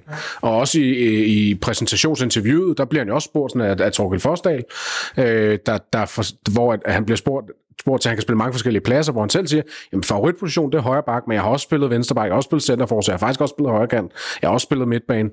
Øhm, og, og mit postulat er, at han er helt klart købt ind til højre bak. Han har købt ind til at være førstevalg på højre bak. Men jeg tror også, han har købt ind som en øh, Morten Olsen polivand spiller, som kan tage en vensterbak. Altså vi så det mod, var det Aalborg, herinde i parken, ikke? Mm. hvor han bliver skiftet ind på vensterbakken mm. i stedet for Victor Christiansen. Mm. Og, og, og jeg tror på, at det her med at have spillere, der kan spille flere positioner, så i stedet for, at du skal ud og købe en ny vensterbak, så beholder du nok bare Pierre Bengtsson som den der på papiret to til hver plads. Men jeg tror faktisk, at, at står du i situationen og skal have en på vensterbakken, lad os antage, Victor Christiansen er første valget, så tror jeg på, at Bøjlesen er anden valget, alt efter hvem du har i centerforsvaret. Men ellers så kunne det også sagtens være en løsning at rykke Dix, øj, undskyld, at rykke Dix over på venstrebakken. Og så Ankersen ind. Og så Sanka ind i forsvaret. Eller Dix på venstrebakken, Anker på højre, og, og Bøjler og Krutulava i forsvaret. Okay. Øhm, det, ja, men, det var lige et tidsspring, men, men i hvert fald, jeg, jeg, jeg tror faktisk på, at nu må vi også lige se opstillingen i, i, i Bulgarien på torsdag, men jeg, jeg, øh, jeg kunne godt forestille mig, at man spiller Bøjlesen venstreback, og så er Nelson og, og, øh, og Krutulava centralt.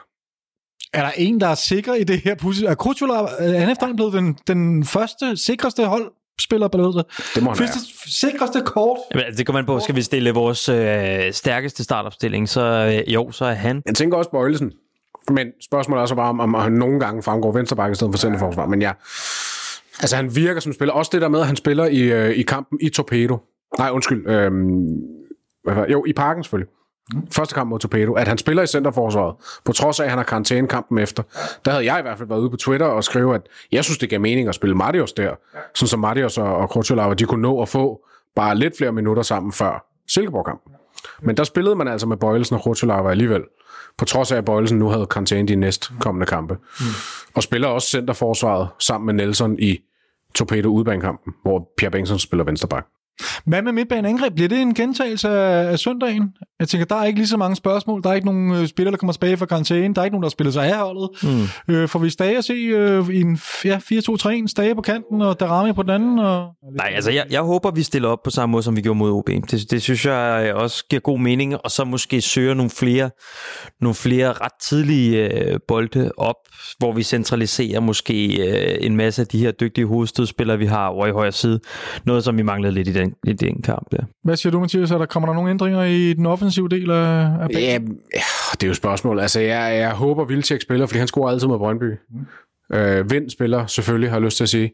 Darami spiller selvfølgelig, hvis han ikke er blevet solgt. Mm. Øh, og så er spørgsmålet den sidste plads om, altså igen, er det, kører vi videre med det her 4-4-2-ish, 4-2-2-3, eller 4-2-3-1, går vi over i en 4-3-3 igen med en tremands midtbane. Hvad gør vi? Altså, fordi nu møder vi også en, en anden taktik mm. i, i det her 3-5-2-system. Øhm, jeg, jeg, jeg, jeg vil ikke blive sådan super overrasket, hvis sådan en som Bøving for eksempel spillede ind for at få den her fart på kanterne. Så du har både Bøving på den ene side, og du har øh, Darami på den anden side. Øh, for ligesom at, at give noget til det. Netop, som vi har snakket om, med den øh, på papiret i hvert fald vaklende Brøndby-defensiv, mm. som, som skal testes, og hvor der er nogle rum ude i, i, i deres bakområde, bag deres vingbaks, medmindre de stiller sig meget lavt, så er der nogle rum derude, som, som kan udfordres. Så, så jeg vil ikke blive sådan super overrasket, hvis, øh, hvis Bøving faktisk skulle ende med at starte inden. Men, men, men altså, mit bud vil være, at, at, at Stage nok spiller. Men tror I ikke, jeg synes, du er inde på noget vigtigt her, tror I ikke, der er ret stor sandsynlighed for, at Brøndby de stiller sig ekstremt lavt tilbage og bare står og venter på lidt kontra? Jo, men det er der nu, kan du sige, nu uger, han udgik jo faktisk af Vejlekampen. Ja. Øhm, nu kunne jeg så forstå i onside, at, at han selv havde sagt, at det var ikke noget, han var sådan super bekymret over, at han regner med at være klar igen til Derby. Men altså, det, det, jeg forestiller mig, at det gør en stor forskel for Brøndby, om de har uger eller ej, i forhold til at have den her øh, dybdeløber øh, og, der, og målscorer, ja. i forhold til at stille sig lavt. Og de har i virkeligheden flere spillere, som er sådan lidt tvivlsomme, ikke? fordi der hersker corona i deres trup. Ja, der er hvis han var ude på grund af en nærkontakt. Ikke? Nærkontakt der ved jeg ikke, hvor lang til- tid man er ude på grund af det. Brus, tror jeg. Ja, okay. Men så er det jo Okay. internt i truppen, Ja. Og spørgsmålet er, ligesom i Midtjylland, ja. og, og, og den spiller, jeg tror, jeg helst vil tage ud af den her Brøndby-trup, hvis jeg selv kunne vælge. Det er selvfølgelig lidt tragisk på, på øh, coronamæssige vegne, men altså, det var en Radosovic, som jeg synes øh, har, har gjort skade på os, hvis man skal vælge en ud fra, og, og hvis man ikke kan vælge Max som er Han er, han er en, der er vokset meget i, i Brøndby, må man sige. Uh, ja. god til at tage en Rasmus Falk ud. Det skal han overhovedet ikke tænke på.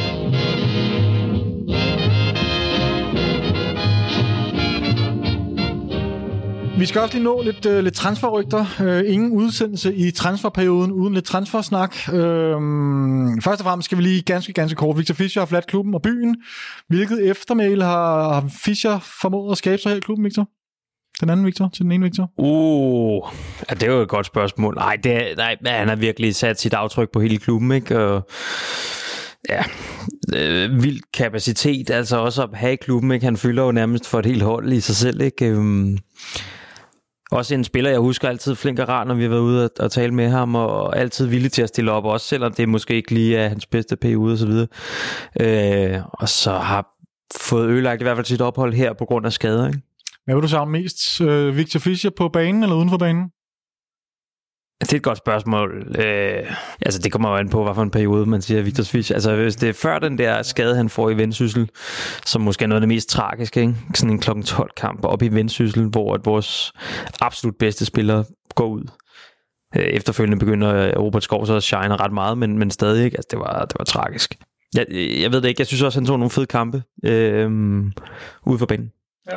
Med, med sit øh, imod homofobi og så videre. Det synes jeg og vel noget af det, vi savner også. Altså nogle profiler, nogen, der tør have en holdning og noget... Jo, jo, men, jo, jo, men det er jo også bare noget, man, man savner generelt bare, synes jeg, i fodboldverdenen. Ikke? Flere, flere karakterer, flere folk, der tør skære ud ikke? på den ene eller anden måde. Han var jo måske den spiller, der havde allermest af, af samtlige øh, fangrupperinger, som ikke var vores egen. Ikke? Altså.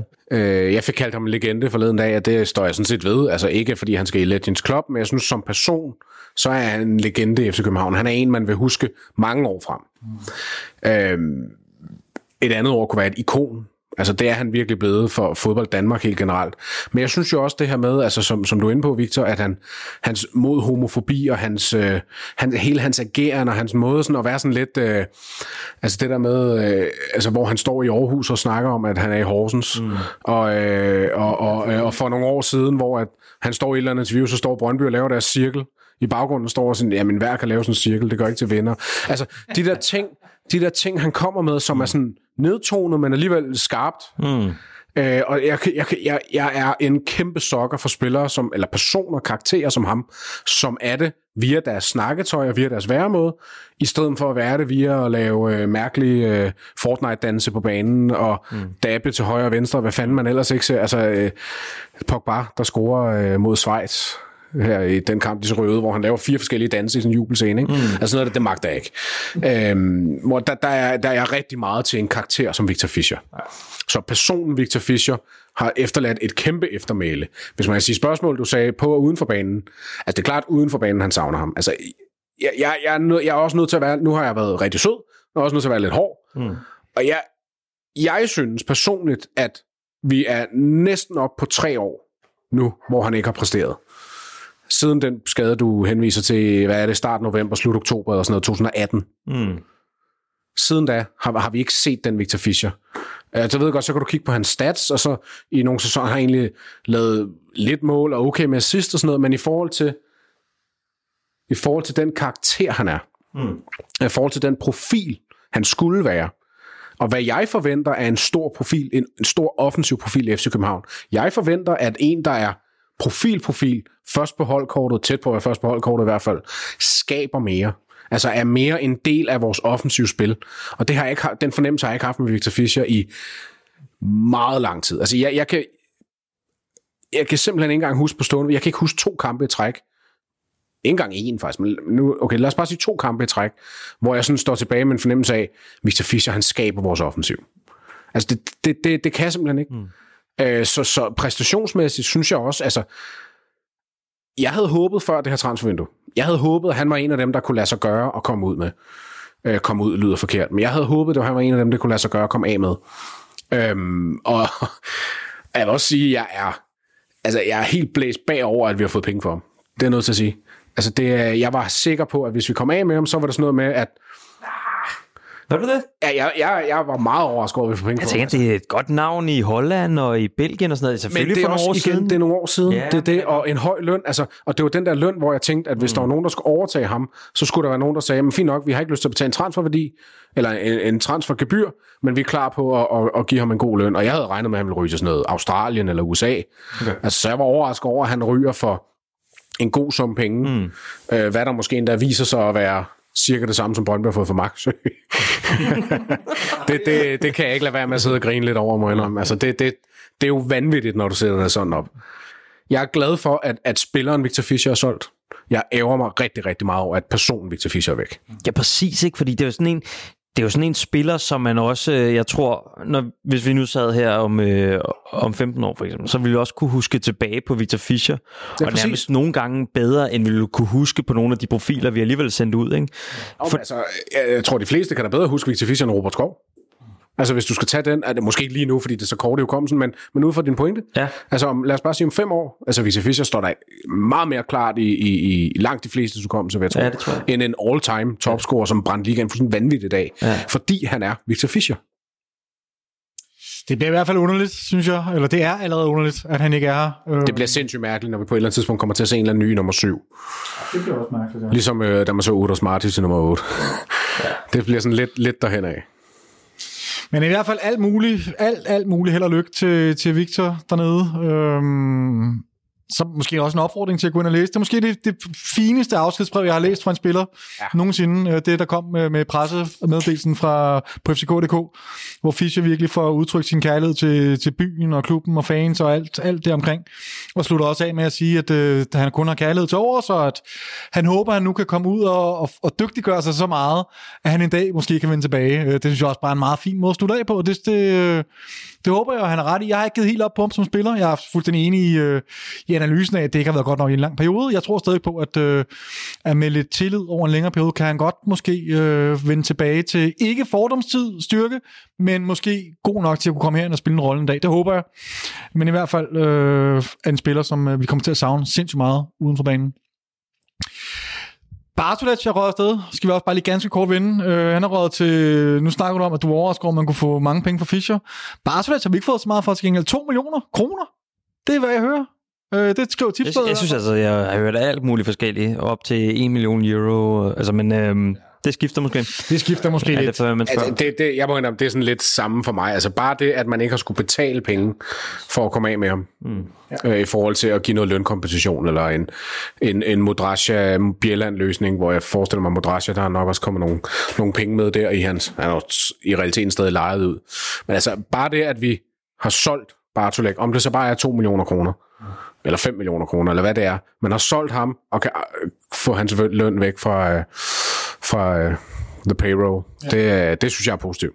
Der begynder, det begynder at se nogen af fornuftigt ud i forhold til, til payrollen der. At der, der bliver, bliver sparet nogle lønkroner med, med Fischer og Bartolets. Ingen af dem helt billige, og selvfølgelig slet ikke Victor Fischer. PC lovede efter OB-kampen, at der kom øh, spillere både ind og ud af klubben. Hvis vi lige skal starte med, med den sidste del. Hvem, hvem tror I egentlig, der forlader os? Victor? Uh, det tror jeg... Øh, ja, det tror jeg, øh, Sten Michael Grydebust gør. Ja. Så tror jeg... Så lad os bare lige tage ham. Hvorfor er det, passer det? Altså, har vi sagt nej til Vålerenga? Hvorfor har vi sagt nej? selv? Det var det første, øh, melding gik på. Men så har han her i sidste uge været ud til Norske TV2 og sige, at der har været flere bud fra ham fra, fra Norge, og, men, men FC København har ikke øh, været villig til at, at afgive ham. Men det handler måske om... Øh, jamen, kan det være PC, der er stadig? PC, der sidder og presser citronen Jamen, det kan også være, altså nu øh, har vi alle sammen spillet lidt fodboldmanager i vores dage. Altså hvis man har fået et bud, der hedder, øh, I skal dække 90% af lønnen, Ja. øh, eller sådan noget stil, så kan det godt forstå, at man har sagt nej. Altså, så det afhænger selvfølgelig også af budet, men, men altså, hvis, hvis, der, er hvis, vi, hvis vi antager, at der faktisk er kommet et bud på at overtage ham, og uden at det har nogen udgift for os, måske endda indbringer, lad os bare sige 2 kroner, Ja. så, øh, så kan jeg ikke forstå, hvis man ikke har sagt ja. Men, men det, jeg forestiller mig, med min tiltro til PC, som jeg har, I har fuldstændig, at, at det må være fordi, at budet har været altså, for dårligt på en eller anden måde. Om det så er altså en, en Bjelland-løsning nærmest, ja. hvor at, øh, at, at man, man skulle beholde så meget løn, at det nærmest kunne være lige meget. At man lige så godt kan vente på at se, om der kommer andre muligheder. Nå, jeg fik afbrudt dig. Øh, Grydebust. Ja, øh, og, så, og så troede jeg så Per Benson, men det virker som om, at, at, at man har afvist et, øh, et bud fra Malmø af, øh, hvilket så i min optik kan tyde lidt på, at, at Bøjlesen også, som du siger Mathias, eller sagde tidligere, at han er tiltænkt en, øh, en plads øh, i det centrale forsvar. Og så er der jo de måske mest oplagte tre, ikke? Øh, vores øh, mest værdifulde spillere i The Young Guns der med øh, Darami, Vind og så Victor Nielsen. Jeg vil lige prøve at høre jer, hvem, hvem, hvis I skulle undvære en af de tre, eller faktisk sige, hvis der er en, I helst gerne vil beholde, hvem vil I nødigst sælge nu her? Øh, Vind, Mo og, øh, og Nielsen. Vind. Hvem vil du helst ja. beholde? Ja, altså ja, for mig er det nemmere at sige, hvem jeg hellere vil sælge, faktisk. Okay, så kommer det. Øh, det er Nelson, fordi at der føler jeg allerede nu, at vi egentlig er okay, står okay, og, og, og jeg tænker, det er lidt af en offentlig hemmelighed, at, øh, at Sanka han bare venter på at få lov. Jeg kan godt forstå, at man ikke køber Sanka, så længe man ikke har solgt Nelson, fordi at, lad os sige, at, at han ender med ikke at blive solgt, så brænder du bare ind med en masse forsvarsspillere. Øhm, så, så der vil jeg sige Nelson, men, men det er så også fordi, at, at Darami han er ved at være den spiller nu, som vi har set tegningerne til i løbet af det seneste år, som virkelig har den her gennembrudskraft og kan skabe ting selv, og som gør, at ikke alt handler om Jonas Vind i det offensiv og Vilcek, der lige står det rigtige sted, men at det også er Darami, der kan både mål, øh, score mål og, og skabe chancerne. Så, øh, så ham vil jeg være rigtig ked af at miste. Men, men, men, men hvis jeg skulle vælge en, jeg mindst vil miste, så er det Jonas Vind, som vi talte også lidt om det tidligere. Altså han er, han er så vigtig for vores offensivspil. Øh, og jeg synes, jeg, lidt- jeg synes lidt, det er blevet glemt i hele snakken om Jonas Vind. Og igen det der med, at det er blevet gjort til, at han bare sparker straffespark ind. Men også i sidste sæson, selvom han godt kunne score flere mål i åbent spil, det medgiver jeg, øh, det er slet ikke det. Men, men han er så vigtig for at skabe vores offensivspil, for at have det her omdrejningspunkt konstant oppe omkring øh, modstanderens felt, og kan trække lidt ned og skabe noget. Og sådan. Han, han er rigtig, rigtig vigtig, og det tror jeg ikke bare sådan lige, du erstatter. Victor, hvem vil du helst undvære? Men jeg vil ikke undvære nogen af dem. Nej, men du forstår. hvem vil du, øh, hvis du har PC, hvem vil du sætte alt ind på at beholde af de tre? Det er et godt spørgsmål. Jeg tror, det letteste, hvis du skal ud... Og, altså lad os, lad, det kommer jo an på, hvad budet lyder på, ikke? Men, men det er nok den letteste at erstatte. Mhm. Det vil jo nok være Nilsson, ikke? så derfor vil det jo være det klare bud på en, der skulle ud. Og særligt hvis der er en øh, Sanka, der står i kulissen. Øh, men, men det er selvfølgelig også en spiller, jeg er ret ked af, fordi at, at, at, at miste... Altså jeg synes, jeg synes virkelig, det er en dygtig spiller. Jeg synes, hver gang han får bolden nu her, så, så ser han også bare så vanvittigt god ud. Øh, det samme kunne man sige om Mohamed Arami også, ikke? Men til gengæld, hvis øh, AC Milan de smider 150 til de lange, ikke? Altså, så øh, er de rigtig lange, så, så kan man jo ikke sige nej, og man må heller ikke stoppe sådan en handel. Altså, det er jo, det er jo vanvittigt. Jeg tror så ikke, det, det rammer helt det op, vel? Men, men, men øh, et stort beløb. Ja, så, så kan man jo bare sige, at, at, at man kan sige, nu kender vi selvfølgelig ikke, hvad der er på vej ind, og hvad der måske er på vej ind, og alt det der, men hvis du skulle fjerne en af de tre, så er Nelson jo klart den... Altså, du kunne fjerne Nelson og starte med Rutscholava og Bøjlesen centerforsvaret, ja. og jeg tror, de fleste vil synes, det er godt. Du kan ikke fjerne Darami, og du kan ikke fjerne Jonas Vind, og så sætte en anden ind og sige, det er godt, som holdet er lige nu. Synes jeg. Der skal, uanset hvad, så skal der endelig ersat, erstatninger ind. Kan vi ikke lige prøve, fordi vi blevet lovet nogle offensive erstatninger, ikke? Og jeg tænker, der skal i hvert fald helt sikkert, I var inde på det lidt tidligere, at det blev for, var det dig, Victor, der sagde, at det var lidt uh, one-trick pony, vi var så mod OB, mm. hvor vi kun havde, eller kun og kun, men vi, for meget af vores spil var lagt op på, at, at op til Mo, og så skulle han sætte en mand. Mm. Vi manglede ligesom øh, en over i den anden side, der kunne udfordre. Er, er, det, er det den vigtigste position lige nu? Vi Ja. skal vel have en kantspiller, det er der slet ikke tvivl om. Hvilke, hvilke øh, hvad hedder sådan noget, kvaliteter skal den spiller indeholde? Mm, det kommer jo sikkert an på, hvem du spørger, men hvis du spørger mig, Spørg så synes jeg, at altså, hvis, hvis man kan vælge den komplette pakke af, hvad den her højre kant skal, skal kunne, og vi har jo prøvet lidt med Bundu og så videre, ikke? Altså vi, vi, har, vi har prøvet lidt øh, at sige i markedet og så videre, og en Pabiel også, ikke? som blev købt ind til den her. Og, og nærmest siden den transfer har vi ikke fundet den, efter vi sagde farvel til Robert Skov. Så synes jeg meget gerne, det må meget gerne være en, der er venstrebenet. Ja. Det er ikke et need, men, men det er fedt. Okay. Så synes jeg personligt, at For det skal at kunne komme ind og afslutte. ja, det skal være, når vi køber den her spiller ind, så skal det være en sikker starter. Det, det tror jeg nærmest er det vigtigste. Øh, og så ud over det, så, øh, så fart. Fedt. Mhm. Gerne en, der kan sætte en mand. nu begynder det at blive dyrt, ikke? Mhm. øh, men, men, men, men, og så noget, jeg, jeg faktisk øh, godt kan lide ved de signings, eller nogle af de signings, vi allerede har lavet, det er, det er spillere, der ser FC København som et, et stepping stone i deres karriere. Altså jeg tænker på Kevin Dix og Camille Grabar.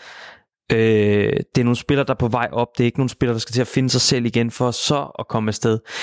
Det kunne jeg godt savne på den her position. Det er også det, der er, er, er voldsomt dyrt. Ikke? Altså, og i virkeligheden også det samme, som storklubberne leder efter. Men jeg kunne vildt godt... Så, øh, altså, vi, vi skal ud og have en spiller, som har momentum nu, som kan gå ind og forstærke truppen nu.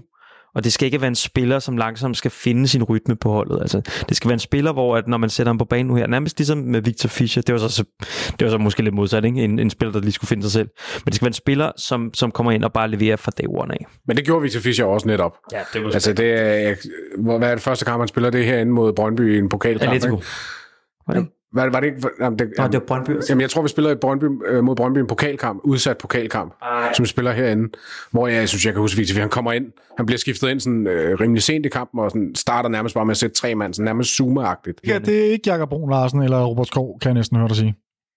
Altså, det synes jeg jo godt, det kan være. Altså, jeg, jeg køber fuldstændig din pointe, men, men, men der, de vil stadig være, i, i, i mit perspektiv, vil de stadig være kategorien af spillere, som skal vokse yderligere. Ja. Altså, de spillere, som er, er unge, er blevet købt øh, forholdsvis dyrt, og har spillet øh, kampe på godt niveau og alt det der, men det er stadig spillere, der skal, der skal tage det næste niveau. Mm-hmm. Øhm, hvor at det ikke en for eksempel en spiller, en, en 7-28-årig 7-årig superstjerne i vores danske termer, som ikke har spillet fodbold i to år nærmest, som skal genfinde sig selv. Ja.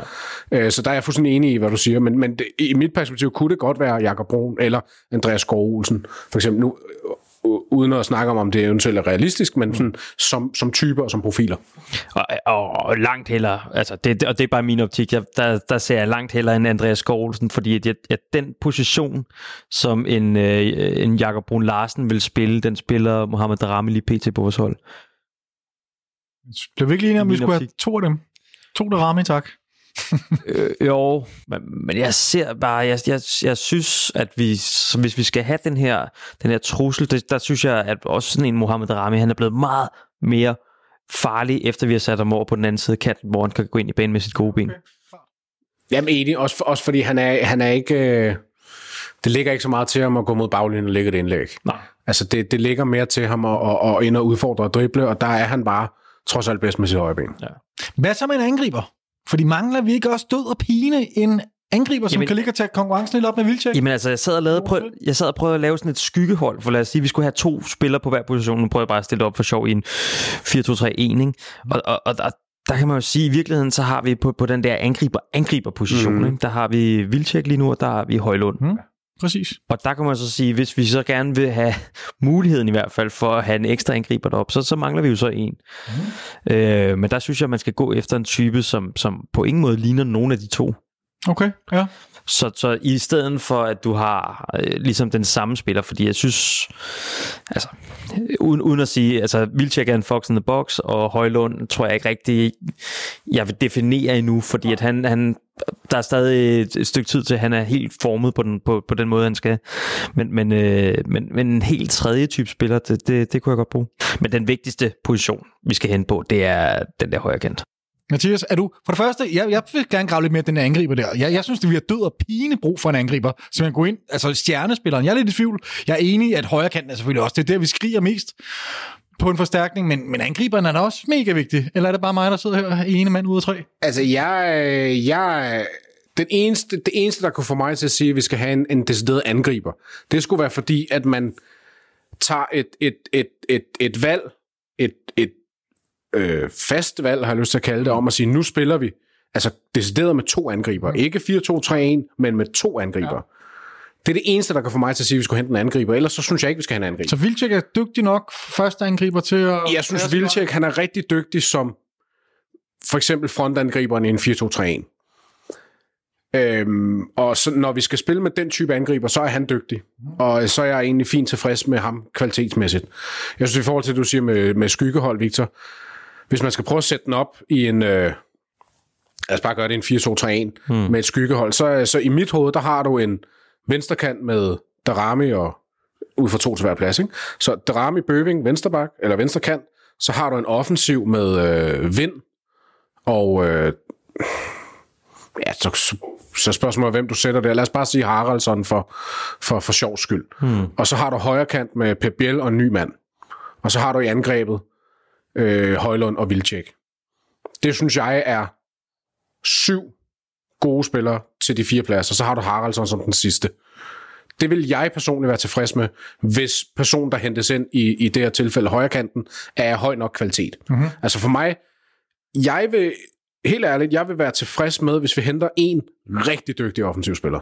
Fordi jeg synes egentlig ikke, vi mangler mere end det. Men det er også fordi, jeg har, jeg har meget tro på Bøving. Jeg har rigtig meget tro på Højlund. Jeg synes, Højlund, han er en... Øh, altså, han er en, han er, han virker meget komplet for mig. Altså, han er, mm. han er stor, han er fysisk stærk, han er egentlig okay i fødderne. Mm. Selvfølgelig skal han blive bedre i det hele, det er slet ikke det, men hvis du kigger på den pakke, han har nu som 18-årig. Han er stor, han er fysisk stærk, Øh, han, dermed er han også øh, til stede inde i feltet og forholdsvis farlig på hovedet. Vi ved, at han er målfarlig, også for hans øh, U19-tid osv. Og så er han hurtig. Altså, han er faktisk hurtig.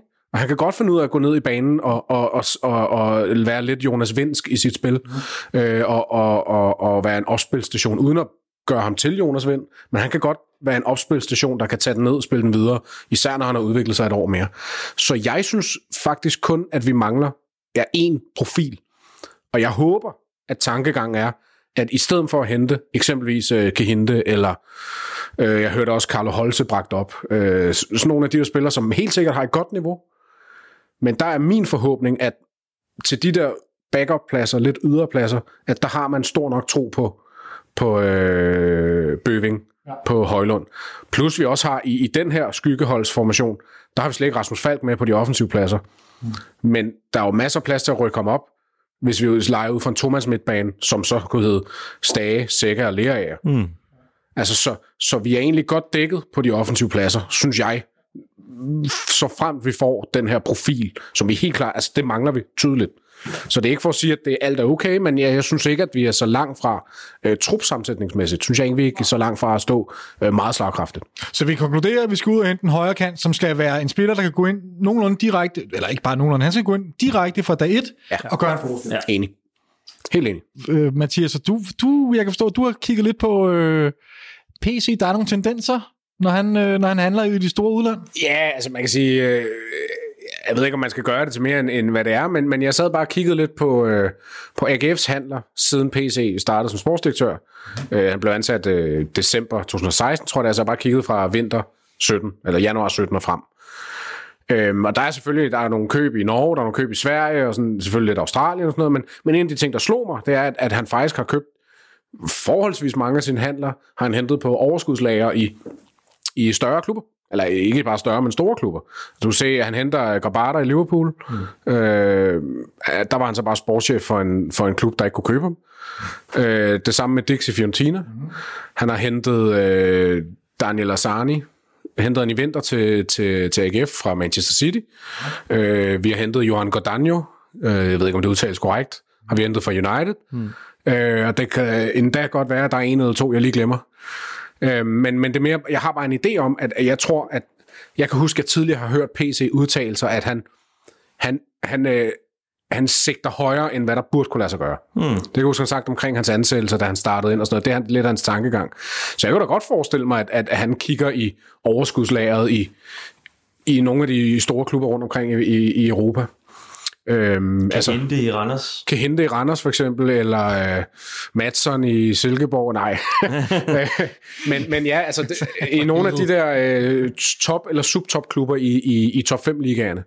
Men det er jo interessant, jeg synes, det er mega sød musik i mine ører, fordi jeg er meget nervøs over for, eller ikke nervøs, men jeg er lidt træt af de der sådan, Superliga-transfers, og jeg håber, og tror heller ikke på, at det er det, vi kommer til at se i den resterende del af vinduet, igen, det skal lige med, jeg er rigtig godt tilfreds med de indkøb, jeg har lavet indtil videre, men jeg synes, der er der noget lidt mere spændende over en andet overskudslager fra de helt store ligaer, mm. end at hente en, øh, en profil, eller midter, en semiprofil fra en midterklub i Superligaen. Så det der, det gør mig godt humør. Ja, eller du ved, altså det kunne, altså, ikke at forklejne det, men det kunne da også godt være, at, øh, at man hellere vil have en eller anden, øh, der, der lige præcis ikke har klaret nåleøjlet i, lad os sige, United, eller Bayern eller whatever. Altså, nu ved jeg godt, vi stiler højt, men jeg håber, folk forstår, hvad jeg mener.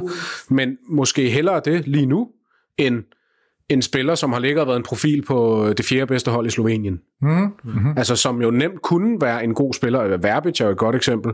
Vi har også set andre undervejs, men, men de her spillere, som kommer ind, og som man må forvente har en, en, øh, en, en øh, indstilling og en attitude om, at, at nu skal de til, til Danmark og til København og, og smadre ligaen. Ja, mm. Og ikke på den der måde, som at se ned på ligaen, men mere på den her måde af, nu skal jeg have mit gennembrud. Ja. Altså, jeg var dygtig nok til at komme til United City, whatever klub det nu må være. Mm. Nu skal jeg ramme mit gennembrud. Mm.